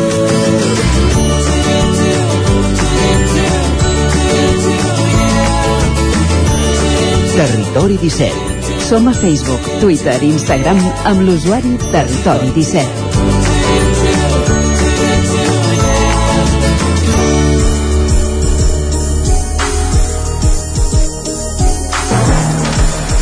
Pas un minut d'un quart d'onze. Abans d'entrar a l'entrevista, un petit apunt sobre aquesta informació que donàvem d'última hora a les notícies d'aquest accident a l'accés a, la, a la C-37, a l'eix Bicolot, a l'altura de la Miranda, entre Manlleu i Torelló. Es tracta d'un cotxe que ha sortit de la via. La imatge és espectacular, s'ha filat pel, pel terra ple. Semblaria que ningú ha pres mal i ja, evidentment hi ha els serveis d'emergència que hi treballen i ja s'ha donat pas alternatiu. S'ha anat descongestionant aquest, aquest accés pels vehicles que quedaven que quedaven eh, acumulats eh, en aquest punt de, de l'accident. Doncs ara sí, dit això, eh, més qüestions, entrem, com dèiem, de dret a l'entrevista, comencem l'any parlant de música, amb la 18a edició del cicle de música eh, nostra, el Tastautors. Anem fins a Ràdio Televisió Cardedeu amb l'Òscar Muñoz, bon dia. Bon dia, Isaac. Com doncs estem? sí, doncs avui parlem... Estem bé, sí, amb aquest nou any. I això, com comencem l'any parlant de música, parlem del tast autors i de l'off tast autors, aquest petit tast que es realitza al Tarambana, aquesta prèvia, que va començar el dia 2 de gener amb el grup Rabadab i el 9 de gener amb el, ahir mateix amb la Louding Band. Molt bé. Avui parlem amb la, eh, per telèfon amb la Marta Cordomí, membre de l'Associació Cultural L'Escallot, que organitza el Tastautors. Bon dia, Marta. Bon dia. Aquest any sí s'ha pogut realitzar el, el Tastautors. Com ha anat aquests dos concerts? Com està funcionant? La gent té, té, gana, eh, si té ganes d'anar a concerts de música? Uh, sí, els dos primers dies aquests que, com bé deies, uh, és la prèvia al festival pròpiament, eh, realitzen aquí al Tarambana i, i bé, doncs malgrat eh, la reducció d'aforaments necessària i, mm -hmm. i, i tot plegat, doncs sí, de moment els dos primers concerts han anat molt bé el primer de la setmana passada, di, diumenge passat que era un toc un punt més nadalenc amb Rabadab i, i ahir doncs també també ho va empatar bastant amb la Big Bang per tant, fem una bona valoració no? d'haver pogut fer aquest tastet que, que l'any passat no es va poder fer a causa de la Covid, com dèiem. Sí, l'any passat no es va poder fer aquest tastet que, com deies, fan en un bar-restaurant, al Tarambana, perquè justament en aquest eh, moment estaven tancats els restaurants, amb la qual cosa no van poder fer tampoc aquests concerts i aquest any doncs sí, ho estem podent fer, com deia, malgrat les restriccions, però, però amb moltes ganes de viure música en directe i de descobrir-la, que molta gent ens agrada que, que s'acosta al nostre festival de descobrir coses que fins aleshores no coneixia.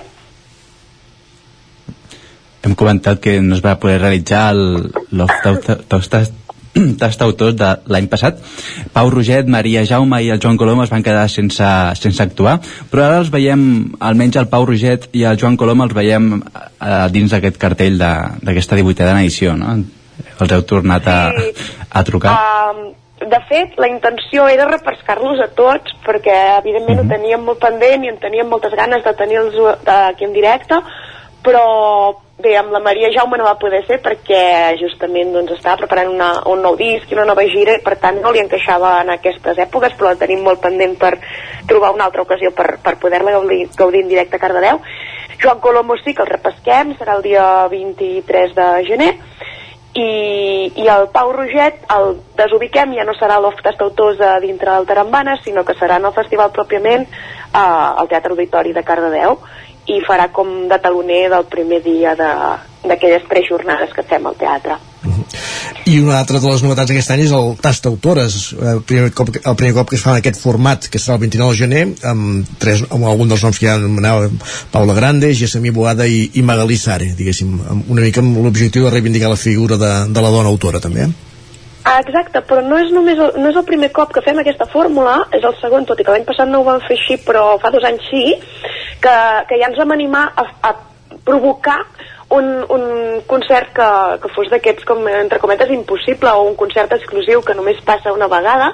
I en aquell moment ho vam titular Tres autores, en el sentit de que juntàvem tres autores en un mateix escenari com a una cosa absolutament uh, singular i, i repesquem d'alguna manera aquell títol, però en aquest cas amb tres autores diferents, uh, que és la Paula Grande, la Jasmine Boada i la Magali Sare, qui hi ha qui les coneix uh, allò individualment o fins i tot que no les coneix i com deia també és un tema que ens agrada molt a nosaltres de, de donar a descobrir no? I, i en aquest cas és, és totalment pòquer no? de, de, de, de descobrir-ne aquest trio de cop i volta i exacte, per la tota gent que no coneix eh, les autores del d'aquest dia, què, què ens pots explicar? Que, quins són els gèneres que, eh, que toquen amb la Paula, el César i, i la Magalí? Us he d'explicar sobretot que, que el que ens fascina d'aquestes tres autores, bueno, cada un dels seus projectes, doncs un és més melòdic, l'altre és més uh, estripat, um, però cadascun d'aquests projectes el que ens agrada és um, que, que tots tres són, són unes veus bauasses uh, i que també tenen projecte en català que de fet és un leitmotiv del nostre festival.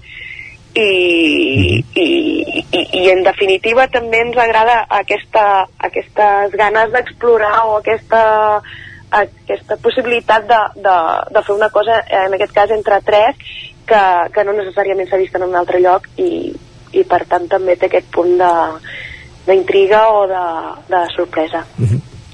El que és els, els concerts del cicle també tenen aquest punt d'exclusivitat no? pel fet que, que, que no és un, un concert convencional només, dir que hi ha una prèvia, una prèvia primer amb els músics, un breu tast amb l'artista convidat i per acabar el concert. Com, com funciona aquesta fórmula?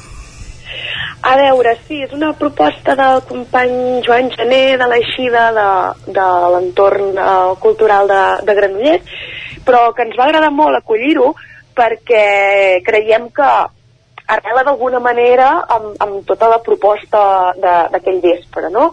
Um, és la proposta, en, en, diguem, i si parlem de música amb, i en aquest cas és l'artista principal de, de cada una de les nits, i planteja una mena de tertúlia, proximitat, eh, en què sí que hi ha doncs, una persona que condueix la tertúlia a mode de periodístic, no? allò d'extreure de, de doncs, una sèrie de, de curiositats i de descobrir d'alguna manera o fer-nos descobrir el procés creatiu d'aquella persona artista, però alhora també, com que hi ha el públic en directe i amb molt poca, mm, no? amb, amb, una, amb una presència més, més, més de proximitat, doncs també provoca que el públic també acaba generant uh, preguntes i una conversa distesa amb aquesta mena de tertúlia més oberta.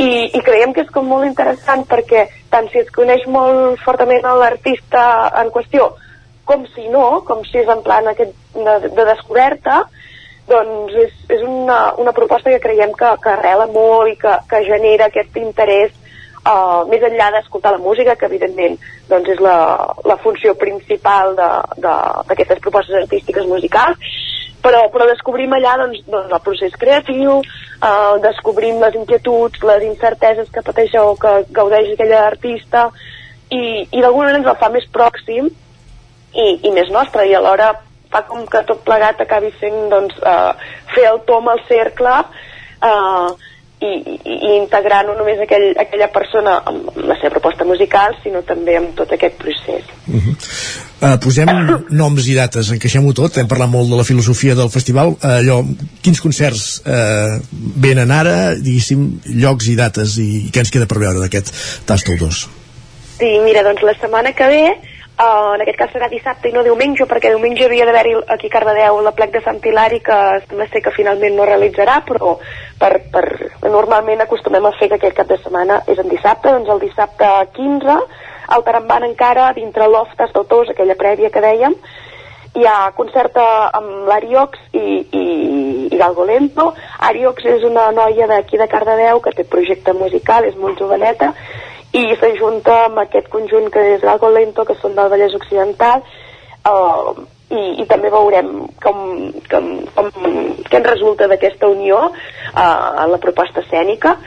Um, I aleshores el, di el diumenge, dia 23 de gener, ve el Joan Colomo, que el repesquem de l'Oftes d'autors, que no va poder ser l'any passat.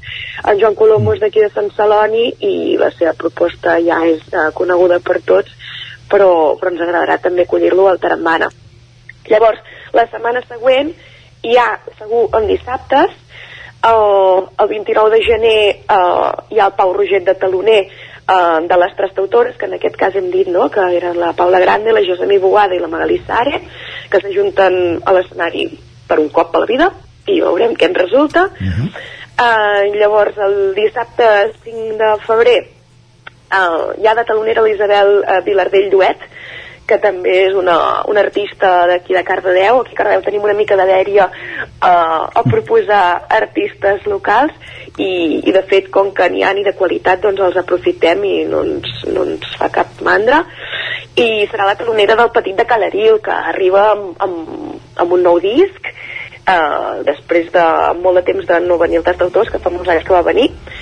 Uh, I finalment tancarem uh, el cicle el dissabte 12 de febrer, que en aquest cas ens empesquem una, un nou format, que serà una provatura total i veurem com funciona, que és que tindrem doblet. A les 5 de la tarda hi ha el Marc Parrot i la Eva Armissé amb un espectacle musical eh, adreçat al públic familiar, eh, que es diu Tinc un paper, i després doncs ho, ho girarem tot del revés perquè a la nit tindrem el Roger Mas que també presenta disc i, i bé, provarem aquesta vegada amb això del públic familiar que no hem directament mai convocat aquí, aquest Marta. públic. Moltes gràcies. D'acord, perdona. Bon dia.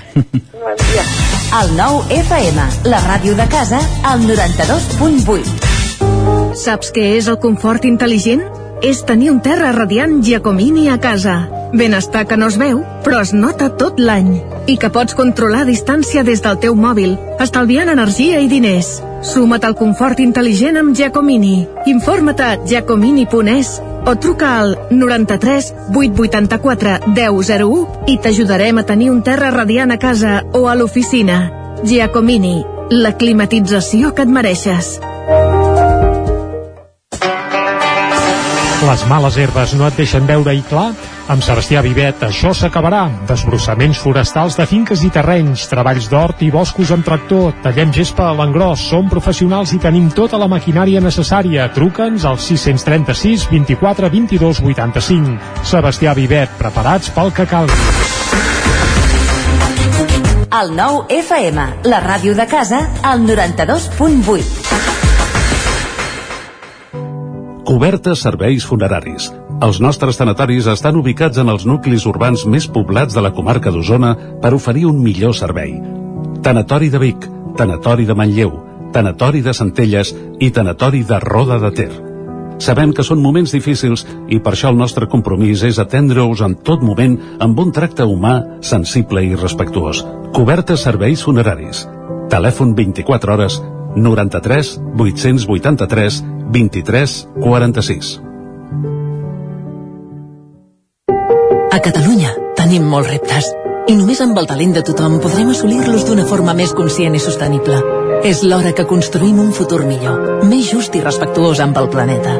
És l'hora que entre tothom fem la Catalunya que volem. Fem-ho bé, fem-ho tot, fem-ho possible. Generalitat de Catalunya. La ràdio de casa al 92.8. El 9 FM.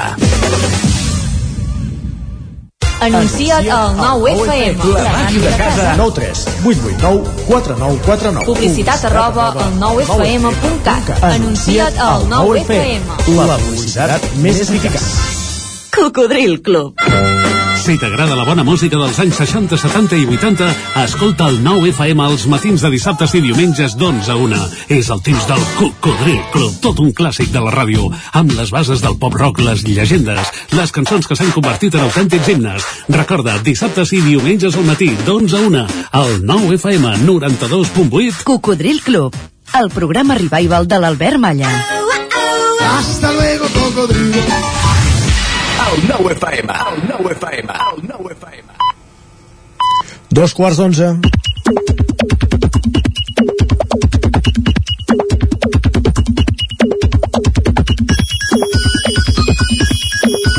I aquesta hora qui ens acompanya cada dia a l'estudi Jordi és en Guillem Sánchez. I tant, i ja el tenim aquí, molt ben tornat, Gràcies. bon any, Guillem, Gràcies, Jordi. uh, prova bé, sí. De moment sí. De moment Els Reis van ser generosos. Els Reis van ser generosos, van portar tot el que havíem demanat a la carta, per tant, no ens podem queixar. no ens Home, podem queixar. ara, ara ens hauràs de dir què, què duies a la carta, perquè, Ostres, clar... ostres, uh, Oh, ostres, ostres. Havíem demanat... La bicicleta. No, havíem demanat un trípode per al mòbil, havíem demanat pilotes per jugar a pàdel, havíem demanat roba, havíem demanat un, Carai. un CD de música, que es veu que encara el van, el van poder trobar. Oh, doncs té mèrit, eh? Sí, bé, a mi també me'n van d'uns quants, eh? Quin va, quin? Uh, L'últim de Fito i los Fitipaldi. Caram. Va. Tornen, eh? Ja ho saps, eh? S'accepta eh, aquest? No, home, no, no, a mi no me'l van pas passar, però sí, sí, n'hi ha de molt pitjors. Molt bé, s'accepta, va. doncs va, tornem també a la rutina de Va, repàs anem a de. Després de repassar la teva carta dels Reis, anem a repassar ara la carta de, de piulades. Va, com en, re, com en resumeix l'Eloi en el següent comentari, un dia com avui diu tinc un mix entre voler tornar el dia 23 de desembre i començar ja la, la rutina. No sé si vosaltres ja teniu ganes d'afrontar aquest segon trimestre fins a Setmana Santa, que es preveu també fantàstic i estupendo, o us agradaria tornar a viure aquestes vacances de, de Nadal? Que cada cosa al seu temps. Ara ho has no? dit, això ho tenim superat, ara anem per un altre. A les vacances fantàstiques, però ara amb tota l'alegria i empenta per començar el curs. Va. Co començar a comentar aquest diumenge també l'Eric diu va experimentar una sensació d'allò més desagradable diu aquell moment que tornes a programar l'alarma fa més mal que qualsevol ruptura sentimental i és que per avui molta gent s'ha tornat a llevar a ritme de despertador sí, per, tornar, per tornar a la feina per començar de nou a les classes segur que més d'un li costa tornar-se a posar en marxa com per exemple ens ha reconegut l'Austin que diu no me'n recordo de redactar, no me'n recordo d'estudiar, no sé fer absolutament res relacionat amb la meva carrera. Quin desastre. I en Jordi li respon de la següent manera, li diu havíem quedat per fer un treball de la universitat i estem calculant la pendent de les estacions d'esquí. Per tant, també qui, qui no vol fer la feina també és perquè, és, és perquè no vol, eh? vull dir que si havies de fer un treball i estàs dedicant el temps a altres coses doncs serà perquè et ve més de gust i perquè tampoc potser és tan important l'altre per les coses importants sempre s'acaba trobant temps. I si una cosa dius, ostres, és que això no tinc mai temps, deu ser que no és prou important. Correcte. Correcte. Vinga. I aquest diumenge també va ser protagonista a les xarxes la llengua catalana i el concurs de, dra de drap amb si pots, no sé si estàs al, al cas Jordi del que va passar No, tot i que a vegades el segueixo aquest concurs, eh? doncs en un moment del mateix ahir una de les joves concursants va demanar si podia respondre una pregunta en castellà perquè no sabia com es deia la paraula que havia de respondre en llengua catalana Ara pla. i el presentador Llucià Ferrer li va confirmar que havia de respondre en català i que no li podia acceptar una resposta en castellà com és lògic en un concurs de llengua la pregunta o no? Sí, li demanava quin és el cereal eh, més utilitzat per, a, per fer la pasta, que en aquest cas era el blat, Mhm. i ella no se'n recordava de blat i, havia, i volia dir trigo. I evidentment no, no li van acceptar com a, com a vàlida. I això va generar un, una, un, un, un sobresol, un, un sobresalt, perdó, a, a- a Twitter que, bueno, va, va provocar notícies a, a, molts, a molts mitjans també perquè deien que això que un presentador d'un concurs de, de TV3 no havia mm, donat permís per respondre una pregunta en castellà una de les concursants vull dir, coses eh, realment Com, com semblarina realment una anècdota. Sí. I, imagina't al revés, surrealistes. anar a un concurs a una tele ibèrica, respondre en català i que et dic, oh, però bé, bé, tant és. Sí, no, sí. de fet en aquest que sentit En, en Peyu va fer un tuit en aquesta línia. Sí, sí, val. per, sí. De fet, el volíem, el, el volíem llegir, Isaac, eh, en Peyu mateix, que deia, diu, t'imagines que vas a passar palabra i t'emportes 20 milions d'euros responent així. Diu, con la E, dícese del que està seco, débil i lánguido, una definició que correspon a la paraula endeble, i diu en Peyu, t'imagines algú responent escardalenc? Segur que no es queixaria ningú. Uh, bé, subscrivim completament aquest tuit. De fet, el, el mateix... Escardalenc. Sí. De fet, el mateix Llucià Ferrer va respondre al cap d'una estona. Diu com es nota que estem avorrits avui, bon diumenge, i demà a treballar. Va, ànims. L'Àle- L'Àlex també porta el següent comentari que diu la polèmica sobre el concurs de televisió està deixant en segon terme el problema real que es veu al vídeo. Diu, hi ha molts nens que surten de l'escola després d'anys de suposada immersió lingüística i són incapaços de parlar o escriure bé en llengua catalana. Aquest és el drama. Bé, no sé si per una paraula també s'ha d'arribar a aquests, a aquests extrems o no, o com resumeix l'Edgar diu, el nen català de Schrödinger no sap parlar castellà per culpa de la malvada immersió lingüística i alhora no sap dir trigo en català. I d'aquest cap de setmana també volem destacar una piulada que ha donat més de 6.000 comentaris de, de l'aventurer Sant Joaní Albert Bosch, que també és un, és un clàssic de xarxes socials, que ens ha plantejat un dilema a, a través de Twitter. Diu, Tela, tela. Mi madre, de 87 años, me acaba de confesar que en el próximo encuentro mensual de su grupo de viudas han decidido fumarse unos porros, ya que es una experiencia que no han probado nunca. ¿Qué haríais en mi lugar? Pla. És bo el tuit, eh? És Sí, sí. molt el tuit. De Escolta, ja són prou grans, per tant... Exacte. De fet, recomano que pugueu llegir algunes de les respostes. Com dèiem, més de 6.000 comentaris que la gent ha anat deixant i ha anat aportant. Només en llegirem un, el de la Rosa, que diu Vigila, que el pròxim pot ser que s'apuntin al Tinder. Ho deixarem aquí. Si és que no hi són. si és que no hi són, ja. Deixa'm, deixa'm explicar-ne un de tuit que és visual, però és que val molt la pena, el recomanem. Anar al compte de Miquel Macià i diu, vídeo, aquesta nit s'ha fet palès perquè les guilleries es diuen així. Ah, I es sí? veu un vídeo, una imatge d'una càmera, entenem que és una càmera de seguretat, amb una guilla aquí inspeccionant la càmera i movent-la i aquestes coses, tot, tot divertit. I un segon vídeo amb dues guilles pasturant per davant de la casa. Deixa-m'hi afegir imatge que, tu, eh? sí, que passant per les guilleries i travessant l'eix transversal sovint també saps per què se'n diu guilleries i és que a les cunetes sovint n'hi ha més, més d'una I malauradament. de fet ja no només les guilleries, eh? Sí, això passa ja pràcticament a tot, a tot el Principat.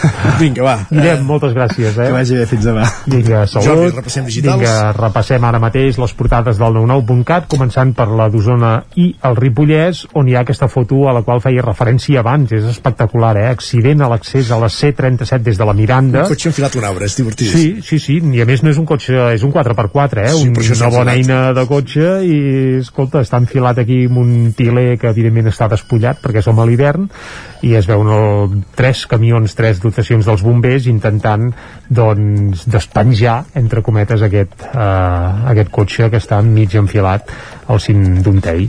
Uh, més coses, també apareix que el govern espanyol regula, regularà el preu dels tests d'antígens i hi comprarà 300 344.000 dosis eh, a Pfizer aquest mes de gener. Això apareix també a la portada del 99 9-9.cat en l'edició d'Osona i el Ripollès on també ens, es fa ressò de reducció històrica de l'atur a Osona i el Ripollès després del pic provocat per la pandèmia, notícia que ja apuntàvem abans al butlletí. Anem al Vallès Oriental, al 99.cat, ara mateix obre explicant que Granollers millorarà la seguretat dels vianants a una cruïlla del Ramassà.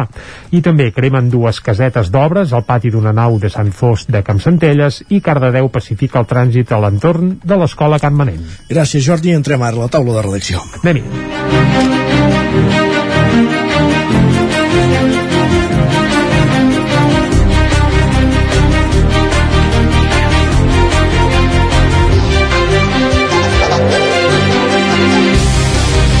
la taula de redacció avui ens hi esperen la Txell Vilamala i en Jordi Vilarrodà. Comencem per la Txell, eh, parlant d'aquest titular d'avui de l'edició d'Osona i el Ripollès del 9-9, a la portada rècord de contagis a Osona i el Ripollès, més de 4.200 en només una setmana. Txell, bon dia.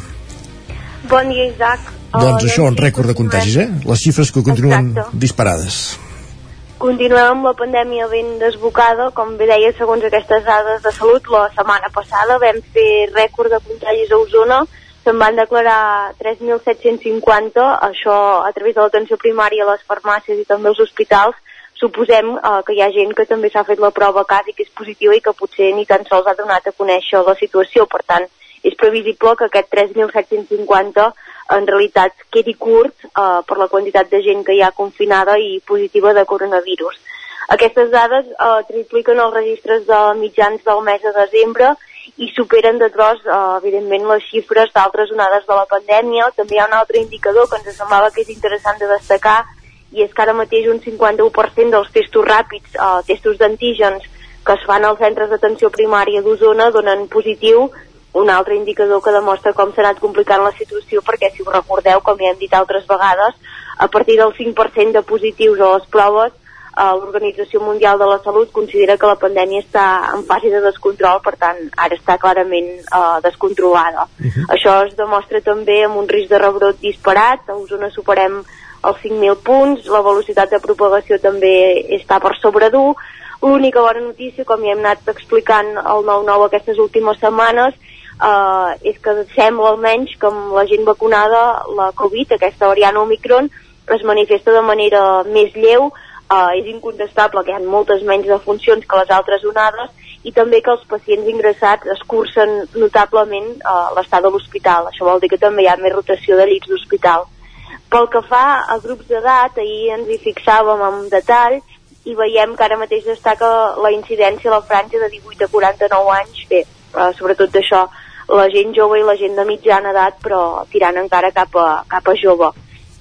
Tota aquesta situació fa que des de la regió sanitària Catalunya Central eh, reconeguin públicament que el sistema de salut està massa tensionat. Eh, de fet, eh, l'Imma Cervós, eh, la gerent, eh, era molt franca aquest cap de setmana dient això, que tots ens trobem en situació de fatiga pandèmica, però que hi ha molts casos i que, a més a més, a l'atenció primària sobretot es troben que també hi ha molts professionals de baixa, igual que els hospitals, eh, de fet, però clar, coincideix no? uh, aquest moment d'explosió de casos amb el fet que les baixes també afecten personal sanitari i que a més a més es donen en una època uh, que és l'hivern, que a banda del coronavirus doncs també és propícia per molts altres virus de tipus respiratori, no? com són els refredats, la grip i altres patologies pròpies d'aquesta època de l'any. Per tant, pic de feina i poques mans per assumir-la, que és és exactament el mateix que ha passat avui a les escoles i instituts, avui que reprenem el curs escolar després de les vacances de Nadal, eh, el Departament d'Educació ha hagut de contractar 570 persones a tot Catalunya per eh, intentar suplir eh,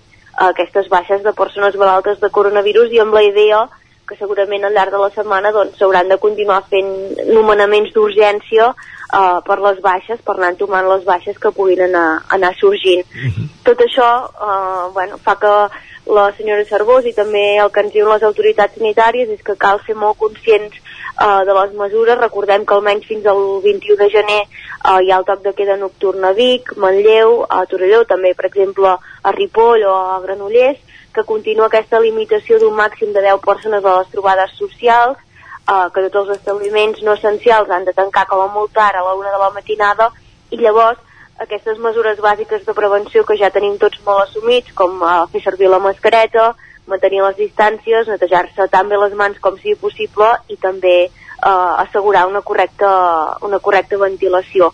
I llavors, eh, l'altra pota importantíssima és la vacunació.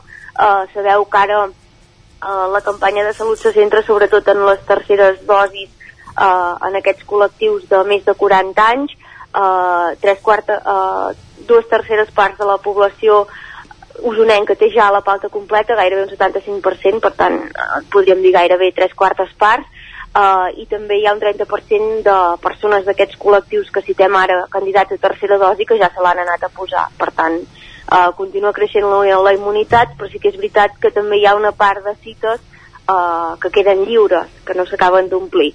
Per tant, això la senyora Cervosa en recalcava que és important eh, que la gent que tingui pendent de fer-ho doncs que, que faci el pas d'anar-se vacunant. Veurem què passa aquesta setmana, si efectivament arribem ja al pic de la onada, entre, diuen que podria ser entre aquesta setmana eh, i el cap de setmana que ve, o com molt ara a principis de la següent, i a veure si a partir d'aleshores doncs, comença a baixar eh, aquesta incidència de la pandèmia. Mm -hmm. Molt bé, doncs ens quedem per això, Txell, sempre amb la vessant positiva, amb aquesta bona notícia que deies, el fet que, que sigui per la vacunació o sigui perquè la variant és més dèbil eh, els efectes de, de la, de la Covid-19 ara si més no semblaria que són més lleus que en, que en anteriors onades Gràcies, Isaac. Gràcies bon i bon dia. Continuem la taula de redacció, com dèiem, i ara saludem en Jordi Vilarrodà, que ja el tenim a l'estudi. Bon dia, Jordi. Hola, molt bon dia. I parlem d'aquesta notícia que donàvem a les 9 al matí a les notícies, valgui la redundància, que és l'estrena d'aquest documental, aquest curtmetratge documental del fulgar, fulgarolenc Joan Bové sobre l'orca Ulisses. L'orca Ulisses, que, a veure. Que va marcar tota una generació i que, Exacte. tot, i que tot parteix d'un curt del Festival Julius. Que encara A veure, això diríem que és avui un comentari d'una notícia per a boomers. Eh, és a dir, eh, persones que es puguin recordar que hi havia un peix molt gros al, al zoo de Barcelona que es deia Ulisses i que l'any 1994, dos anys després dels Jocs Olímpics, o sigui, ja fa una temporada, eh, el vam agafar i el van traslladar a Califòrnia perquè a Barcelona li quedava la piscina on estava petita, era una orca de grans dimensions, es havia capturat petita, però esclar, havia crescut, i se va traslladar a un zoològic de Califòrnia. Aquell moment, les imatges del trasllat d'aquell llamp de cetaci que ja era en avió, eh, a veure si viuria, que, que si es havia de mantenir amb temperatura, amb humitat, amb no sé què, i un, un viatge transoceànic en avió, si arribaria eh, viu, en fi, va ser, va ser una notícia que, que va donar la volta al món, i no és exagerat, això, perquè no. poques vegades es havia fet una operació com aquesta. Doncs eh, va arribar eh, es va instal·lar en un, eh, en un parc aquàtic en el SeaWorld de San Diego, Califòrnia, i resulta que nosaltres ja ens n'hem oblidat perquè l'Ulisses deien que tornaria no va tornar, evidentment eh, però eh, la qüestió és que segueix allà i segueix donant voltes a una piscina més grossa, la piscina, però, però continua fent el mateix, el pobre animal. I resulta que hi ha un uh, realitzador de documentals de Folgueroles, en Joan Bové, que se li va acudir doncs, anar a veure què passava amb l'Ulisses. L'origen de tot plegat, de fet, va ser en, els, en el Festival Julius de Vic, que eh, va fa dos anys, sempre proposen un tema pels que vulguin presentar-s'hi i fer curtmetratges, van proposar el Moby Dick. Llavors ell li va donar una volta, una balena, mira, doncs ho agafarem per aquí, ho agafarem per aquí. I ell ja havia tingut contacte per una qüestió d'un reportatge que havia fet amb el que havia estat el cuidador de l'Ulisses, un personatge, l'Albert López, que de fet dic personatge perquè és una persona amb una trajectòria molt interessant, que de ser entrenador d'orques en captivitat, eh, va fer un clic i va passar a ser guia d'aquests avistaments de cetacis en, en, en llibertat al mar eh, i a més a més eh, militant eh, molt, militant molt actiu per la defensa de la llibertat dels animals i, i, i, i sobretot d'aquests animals que estan com els dofins o les orques, cetacis que estan dintre de zoològics. Eh, llavors se'n van anar eh, el cuidador de l'Ulisses i en Joan Bové a Califòrnia a trobar-se a veure doncs, com estava eh, l'orca Ulisses que eh, li va fer la impressió, doncs, molta impressió doncs, amb, el, amb el seu antic cuidador de Barcelona de veure-la allà mateix, fent el mateix. Eh, i, i, i una cosa que a més s'ha demostrat amb els anys després s'ha vist que això els afecta el comportament perquè hi ha hagut alguns casos d'agressions de, d'orques fins i tot a les persones que, que estaven, amb qui convivien més, entrenadors, això, perquè els afecta el comportament, els afecta el, el, tenen la seva psicologia, evidentment, aquests animals, i això els afecta molt aquesta captivitat. Doncs bé, eh, tot això es condensa en un documental que en el Festival Julius era curtet i ara doncs és un documental de ben, més de 20 minuts que ha quedat finalista del, de fet està seleccionat doncs, com a candidat al millor curt documental per als Premis Goya d'aquest any i a més a més per als Gaudí també està entre els seleccionats. Ara se sabran les nominacions d'aquí poc i ha guanyat ja algun premi doncs, en algun festival eh, i per tant doncs, eh, no és la primera vegada a més a més que en Joan Bovés mm, té una nominació als Goya i en havia tingut una altra anteriorment, ara fa, do, fa dos anys. Eh, i, i, i ara doncs veurem quin camí fa fa aquest documental que a més a més ahir s'estrenava simultàniament al canal 33 i a IB3 a la televisió balear perquè ara el Joan Bové viu a Mallorca té la seva productora audiovisual allà i es va estrenar ahir simultàniament als dos canals. Qui no l'hagi vist suposo que ara ja el pot recuperar a la carta. Perfecte, doncs en prenem nota. Moltíssimes gràcies, Jordi, per explicar-nos aquesta única història. Entrem ara a repassar el, com ha estat el cap de setmana esportivament parlant. I ho farem com cada dia quan ens vulgui entrar a la sintonia i en connexió amb les diferents emissores que fem possible cada dia el programa. Ara mateix que en falten 11 minuts perquè siguin les 11 saludem l'Òscar Muñoz de nou des de Ràdio Televisió Cardedeu, bon dia Òscar Bon dia Hola, què tal? Doncs tenim aquests els resultats. Exacte, sí, la situació ara mateix està una mica de tensa, ai, sobretot a l'handbol, però, però això, comencem amb el futbol. Comencem el repàs esportiu amb el primer equip de futbol del Cardedeu, situat a la segona catalana, que ahir va empatar 0 contra el primer classificat, contra el Caldes de Montbui, un partit tranquil per dos equips, van tenir les seves ocasions, però doncs, no va arribar més. El Cardedeu ara mateix està situat a la cinquena posició d'aquesta segona catalana. A la tercera, ja comencen a fallar els partits, el filial no va poder jugar al partit d'aquest cap de setmana, eh, partit ajornat fins al dimarts de la setmana que ve, eh, que jugarà contra el Lliçà de Vall. El que sí que va poder jugar de la tercera catalana va ser el Llinàs, que va empatar a casa a dos gols contra el Lliçà d'Amunt. Partit complicat pels llinasencs que van eh, haver de desempatar aquests dos gols del Lliçà que van arribar als minuts 18 i 24. El gol de, els gols de l'equip local arribarien al 34 i al 90 a l'últim moment per posar aquest 2 a 2 un Llinàs que va 12 a la tercera catalana. Uh -huh. L'Esport Club que cap de setmana no ha, no ha disputat cap partit el que sí que va jugar va ser el dia 2 de gener eh, que va jugar contra la Pobla de Mafumet i va perdre per 0 gols a 2 com hem comentat aquest cap de setmana no ha jugat cap partit.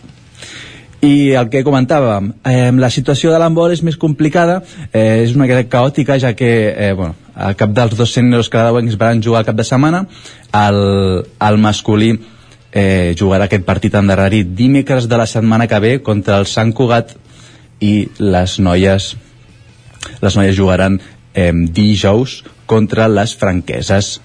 Aquests partits que no han pogut disputar a causa de, de contactes amb, dels equips amb gent positiva, exacte.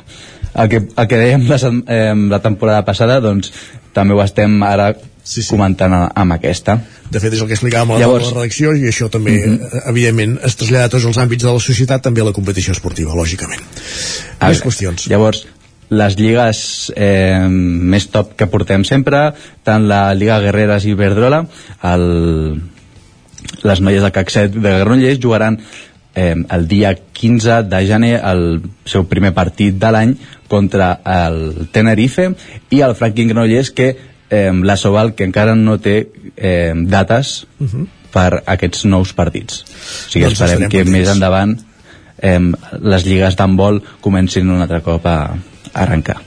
Perfecte, Òscar, moltíssimes gràcies, anem parlant. A vosaltres. Fins ara de Ràdio Cardedeu. Anem fins als estudis de Ona Codinenca. Allà ens espera avui en Jordi Givert per fer-nos el repàs del que han estat els equips d'aquesta zona del territori 17 aquest cap de setmana. Nosaltres comencem el repàs esportiu amb hoquei patins. El Lleida Llista Blava s'han portat 3 punts de Caldes de Montbui en un partit apassionant eh, que acabava 3 a 5 aquest dissabte passat. Els aficionats que van assistir dissabte al vespre a la Torre Roja de Caldes de Montbui van poder gaudir d'un partit trepidant i amb molta igualtat sobre la pista. Els calderins van anar a remolc en el marcador en tot moment, contestant cada gol que marcava el conjunt lleidatà. Dos gols d'Oriol Vives i un de Josep Selva permetien al Lleida marxar per davant el marcador a la mitja part. Ferran Rosa i Xavier Rovira havien marcat els gols calderins. A la represa, el mateix Rovira marcava el 3 a 3 a 12 minuts pel final. A partir d'aquest moment, els lleidatans van ser més efectius de cara a porteria i dues dianes de Benedetto i Selva posaven un 3 a 5 que seria definitiu. La victòria permet als lleidatans consolidar la tercera plaça a la Lliga i el Caldes continua setè. Com explicàvem a l'informatiu, el Manlleu continua imparable a l'Hockey Lliga Femenina i suma una nova victòria, aquest cop a la pista del Club Hockey Patins, Vigues i Riells. El Manlleu s'ha emportat per dos gols a zero aquest duel del territori 17 celebrat ahir a la tarda en un partit treballat al pavelló de Can Badell. De fet, les jugadores biguetanes van mostrar la seva millor versió per intentar frenar les líders de la competició. Tot i així, van topar amb una incommensurable Anna Ferrer, sota pals, que va mantenir la porteria usonenca a zero. L'altra figura del partit va ser Ona Castellví, que va marcar el doblet que permet sumar la novena victòria consecutiva al Manlleu. La setmana que ve el Vigas visita el Gijón i es manté sisè la classificació. A la Hockey Lliga Plata el Sant Feliu continua de vacances i no tornarà a la competició fins a la setmana que ve. Pel que fa al futbol, el Club Futbol Caldes ha començat l'any amb empat en l'altre duel del territori 17 d'aquest cap de setmana. Dissabte no van poder saltar al camp d'esports municipal de Cardedeu, on els locals van mostrar molta solidesa defensiva. Els de la Vila Termal no van poder transformar cap de les múltiples ocasions que van disposar i l'empat a 0 va romandre al marcador. Tot i així, el Club Futbol Caldes continua el líder del grup 6 de segona catalana. A tercera catalana, partit especial a Mollà, on començaven la celebració del centenari aquest 2022. Després de presentar la samarreta oficial del centenari amb tots els equips del Club Esportiu Mollà, van començar l'any amb una contundent pallissa al Borgonyà, coer de la categoria, amb gols d'Eloi Colomer, Eloi Nostres, Eloi Moral i el golejador Ricard Coca van aplicar un dur correctiu al rival, un 5 a 1 per començar amb bon peu al centenari. Mentrestant, a Sant Feliu, ahir al migdia es va poder viure un partit amb èpica contra el Predenc, i és que no va ser fins al minut 89, gràcies a un gol de Marc Franco, que els codinencs van aconseguir empatar un al partit contra l'equip del Lluçanès. Més mala fortuna van tenir els jugadors del filial d'Alcaldes a la seva visita a Sant Vicenç de Torelló. Els de la Vila Termal van veure com a falta de 3 minuts per acabar el partit els usonencs capgiraven el marcador quan tenien un 1 a 2 a favor. Els dos tantos usonencs posaven un 3 a 2 definitiu que deixava els 3 punts a Sant Vicenç. Després d'aquesta primera jornada de l'any, el Sant Feliu és cinquè amb 25 punts, el Club Esportiu Mollà setè amb 23, el Caldes 14è amb 13 punts i el Castell Tarsol, que descansava aquesta jornada, continua penúltim amb 6 punts. Perfecte, Jordi, moltíssimes gràcies. I d'una codinenca, de Sant Feliu de Codines, ens desplacem fins a Sant Joan de les Abadesses, a la veu de Sant Joan, amb l'Isaac Montades. Bon dia, Isaac. Bon dia, Isaac, bon dia. Com ha anat el cap de setmana esportivament parlant? Doncs ha anat uh, força malament, eh, us hem de dir. Uh, sí, no hi ha hagut uh, masses victòries, de fet només n'hi ha hagut uh, una.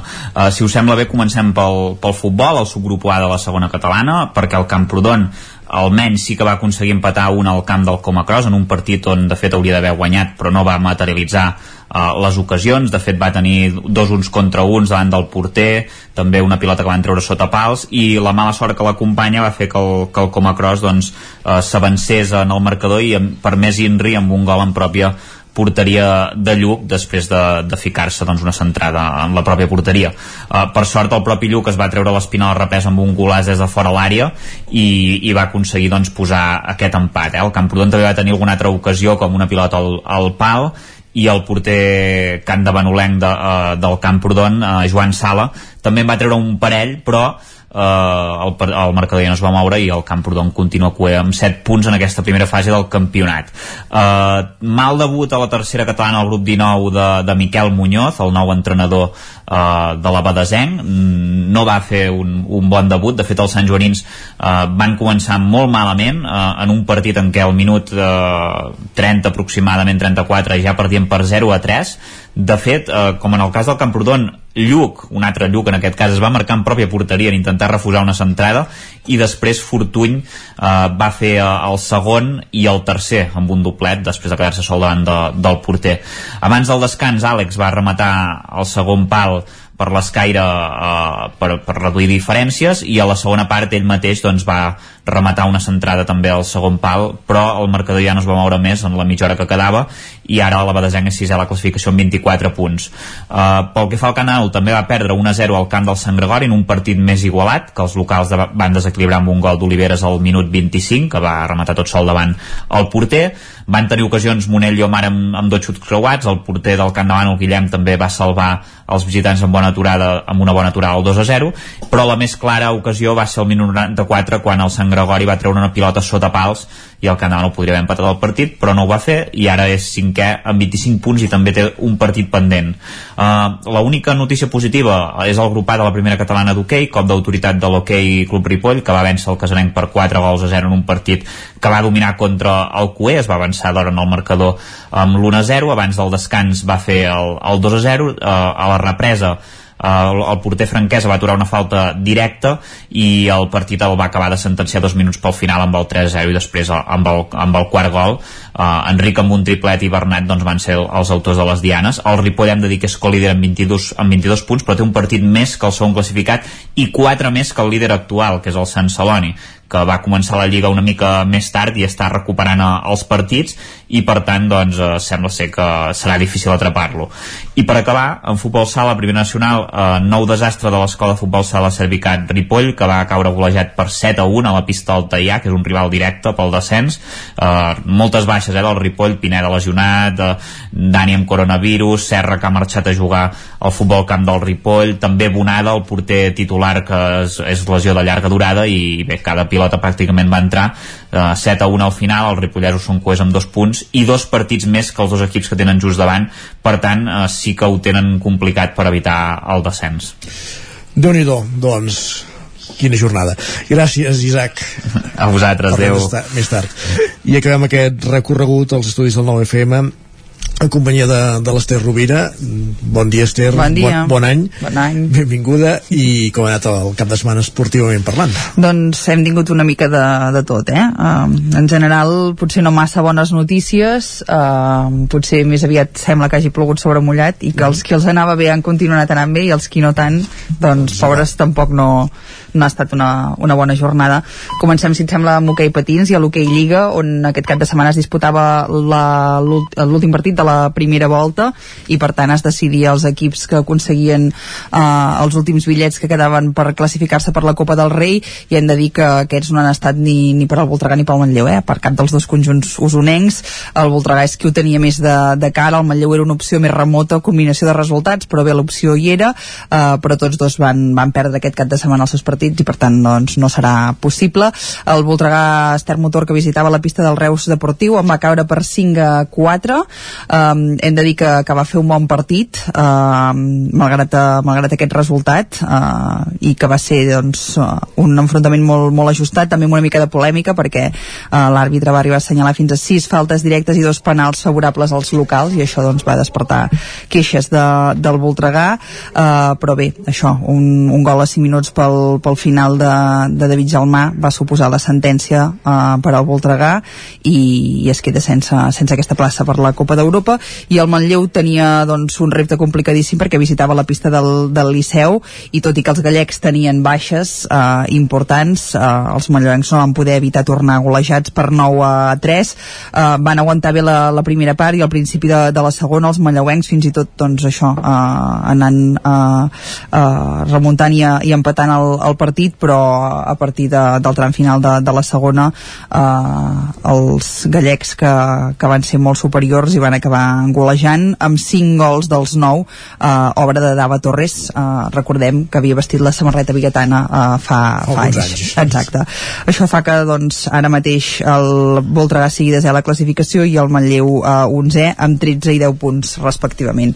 En el cas de l'hoquei Lliga Femenina eh, el Manlleu eh, continua sense tenir rival. 9 de 9 victòries en, en aquesta temporada a l'hoquei Lliga Femenina. Aquest cap de setmana tenien un repte difícil perquè elles eren l'únic equip imbatut i visitaven un equip que tampoc coneixia la, la, només coneixia la victòria a casa com el Vigues i Riells i evidentment s'havia de trencar una estadística i va ser la de l'equip Vallèsà perquè el Manlleu continua eh, doncs això, sense, sense conèixer la, la derrota ni l'empat. Eh, en aquest cas es va imposar per 0 a 2 va costar perquè doncs, el, el Vigues eh, va fer un bon partit perquè la pista no és gens fàcil eh, però bé, a mica, mica, de mica en mica i a base de, de treball doncs, va arribar a uh, un primer gol de, de jugada d'Ona Castellví i ella mateixa va fer el segon uh, de penal. I en el cas del Voltregà uh, la temporada no està sent, no està sent fàcil. Um, just abans de, de Nadal van aconseguir un empat a la pista de les Rozes i semblava que això doncs, servia per trencar una mica la, la dinàmica però en el primer partit d'aquesta temporada uh, rebien a casa el, el Liceu i van perdre per 2 a 4 um,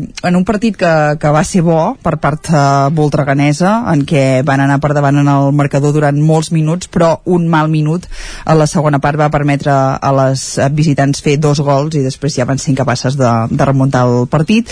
Uh, això fa que ara mateix doncs, el Voltregà continuï uh, 12 a la classificació amb només 4 punts mentre que el Manlleu és el líder indiscutible amb 27 després d'aquestes 9 victòries que dèiem. Havent guanyat en totes les, les jornades. Uh, passem al, al futbol per destacar que, que el Manlleu és més líder aquest cap de setmana després d'aconseguir una nova victòria clara a casa davant de, de l'Horta en un dels millors partits que han fet aquest any. Els de Manel Sala van guanyar per 3 uh, a 1 uh, i per tant això continua al capdavant de la classificació del, del grup 2 amb un total de 9 partits uh, guanyats, un empat i dues derrotes, 28 punts i darrere seu el Tona amb 5 punts menys que també van guanyar aquest cap de setmana tot i que van acabar patint al camp del Sabadell Nord per 1 a 2 i els tonencs que s'han situat uh, segons per la combinació doncs, de, de resultats de la, de la resta de, de rivals però això ha permès doncs, al Manlleu eh, tenir el segon classificat a, a 5 punts i no a 4 com tenia fins ara, per tant ha ampliat eh, l'avantatge. Eh, i els altres dos conjunts usonencs d'aquesta primera catalana de, de futbol del grup 2 eh, el Vic i el Vic Riu primer eh, van mm, eh, perdre tots dos. El Vic que visitava el canvi d'Alet i va perdre per, per la mínima per 1 a 0 en un partit ensupit.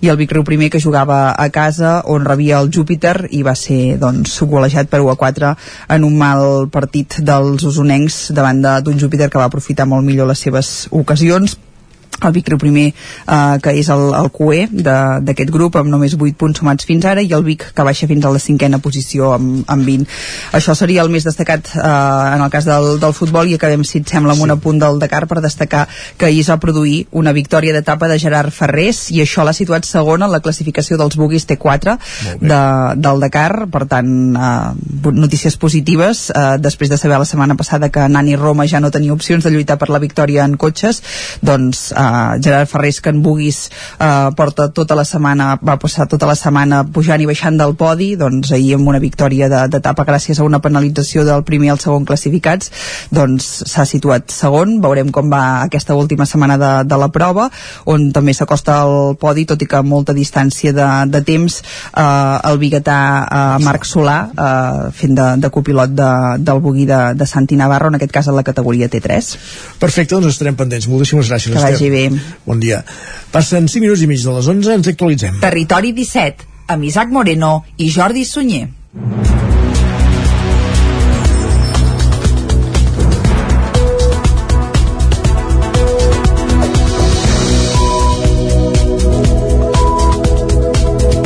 Comencem parlant de Covid, en parlàvem abans a la taula de redacció, les dades estan disparades just en la setmana que fa un any, pràcticament, de la primera dosi de la vacuna a Osona, va ser quan va arribar la vacuna a Osona, el que ha estat el punt d'inflexió més important de la pandèmia. Jordi Sunyer. La infermera Raquel Comelles punxava l'auxiliar de clínica de la residència al Nadal de Vic, Mercè Pardo. Això va ser el passat dia 5 de gener de 2021, és clar. Minuts més tard, el segon de la llista era el resident Pere Vila. I el cert és que des d'aquelles primeres punxades s'han administrat a Osona pràcticament 300.000 dosis. Raquel Comelles recorda ara un any després d'aquella efemèride. Fa un any estàvem al Nadal que vam començar la vacunació va ser un dia molt important a les nostres vides i com a sanitària em vaig sentir molt orgullosa de començar a vacunar tota la població d'Osona donar les gràcies a tots els professionals que vam viure aquesta experiència va ser moments molt complicats i molt emotius a, l'hora el primer resident encara està, està bé, està viu, està molt content Primer va ser el torn de vacunar la població vulnerable de residències i els seus treballadors.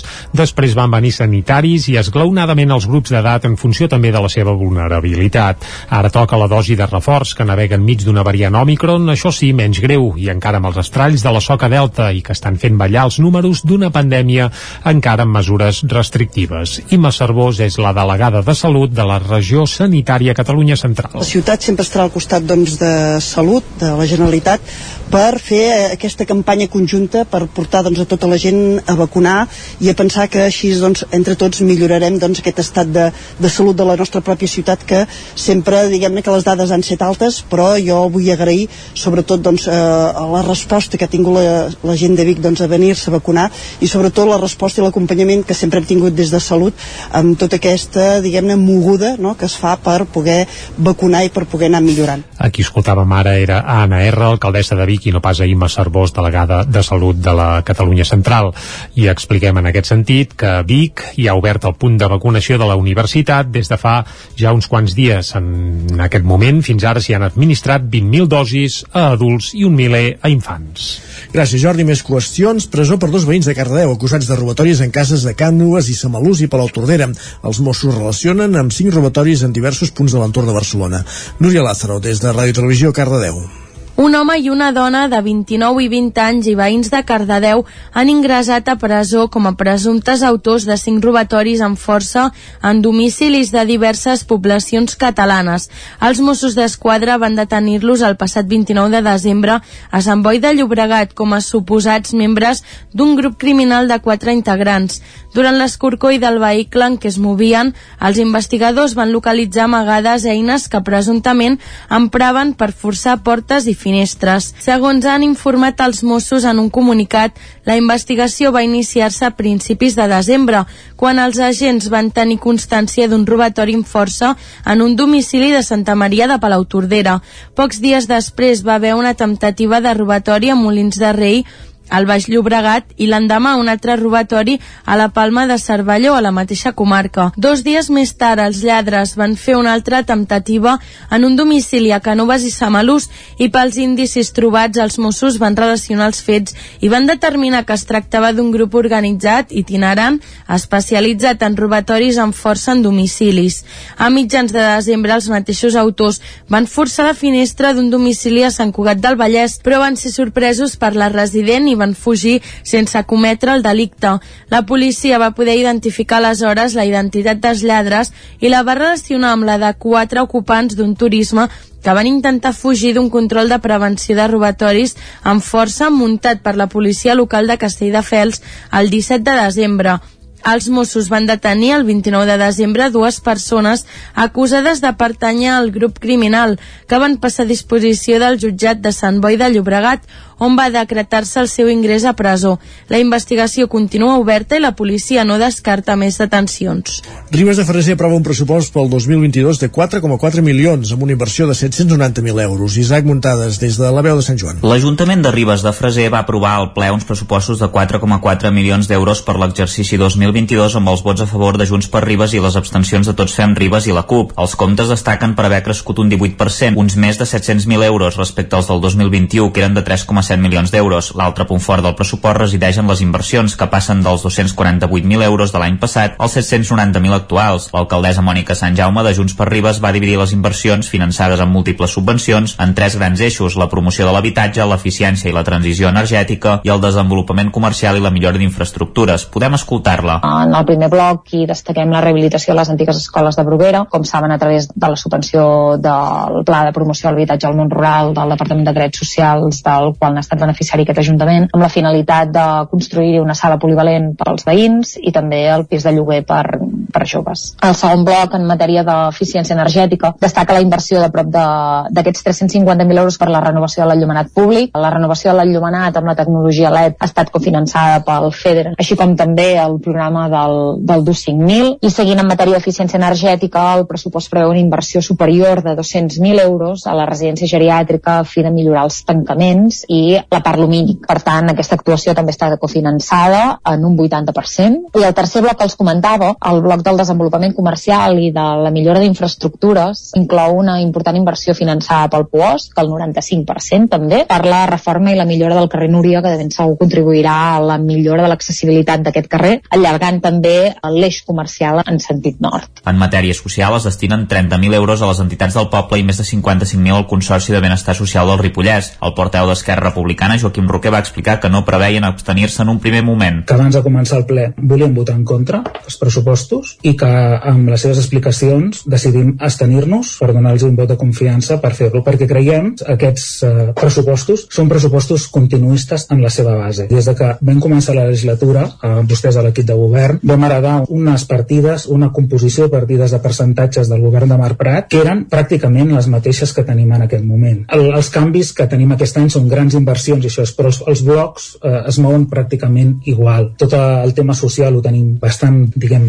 deixat. L'alcaldessa va contestar que eren molt diferents perquè el 2021 ja es va fer un cribatge per ser més transparents. Roquer i també Àlex Medrano de la CUP van veure amb bons ulls l'alta inversió. Els republicans, que van presentar una llista de propostes, sí que van preguntar per l'augment de 62.000 a 115.000 euros de la partida destinada a l'empresa Sumar, que s'encarrega de la gestió de la residència en detriment del consistori. En principi es va establir un conveni que augmentava progressivament del 6 al 8% el percentatge del cost, però també es va justificar per la figura del gerent. Medrano va advertir que calien fer més polítiques de joventut, canviar el sistema de recollida de deixalles, municipalitzar el servei de l'aigua i fer-se socis de l'Agència de Desenvolupament del Ripollès. Sant Jaume va recordar-li que aposten per la comarca i que fa poc van aprovar un conveni per adherir-se a l'escorxador comarcal. Gràcies, Isaac. Acabem aquí aquest repàs informatiu. Anem directes cap als solidaris.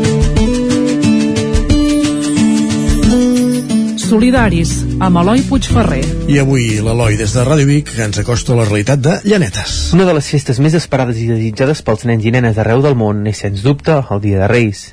Després d'una nit màgica, obrir els regals que han portat ses majestats després de tot un any portant-se bé a tot arreu és molt reconfortant.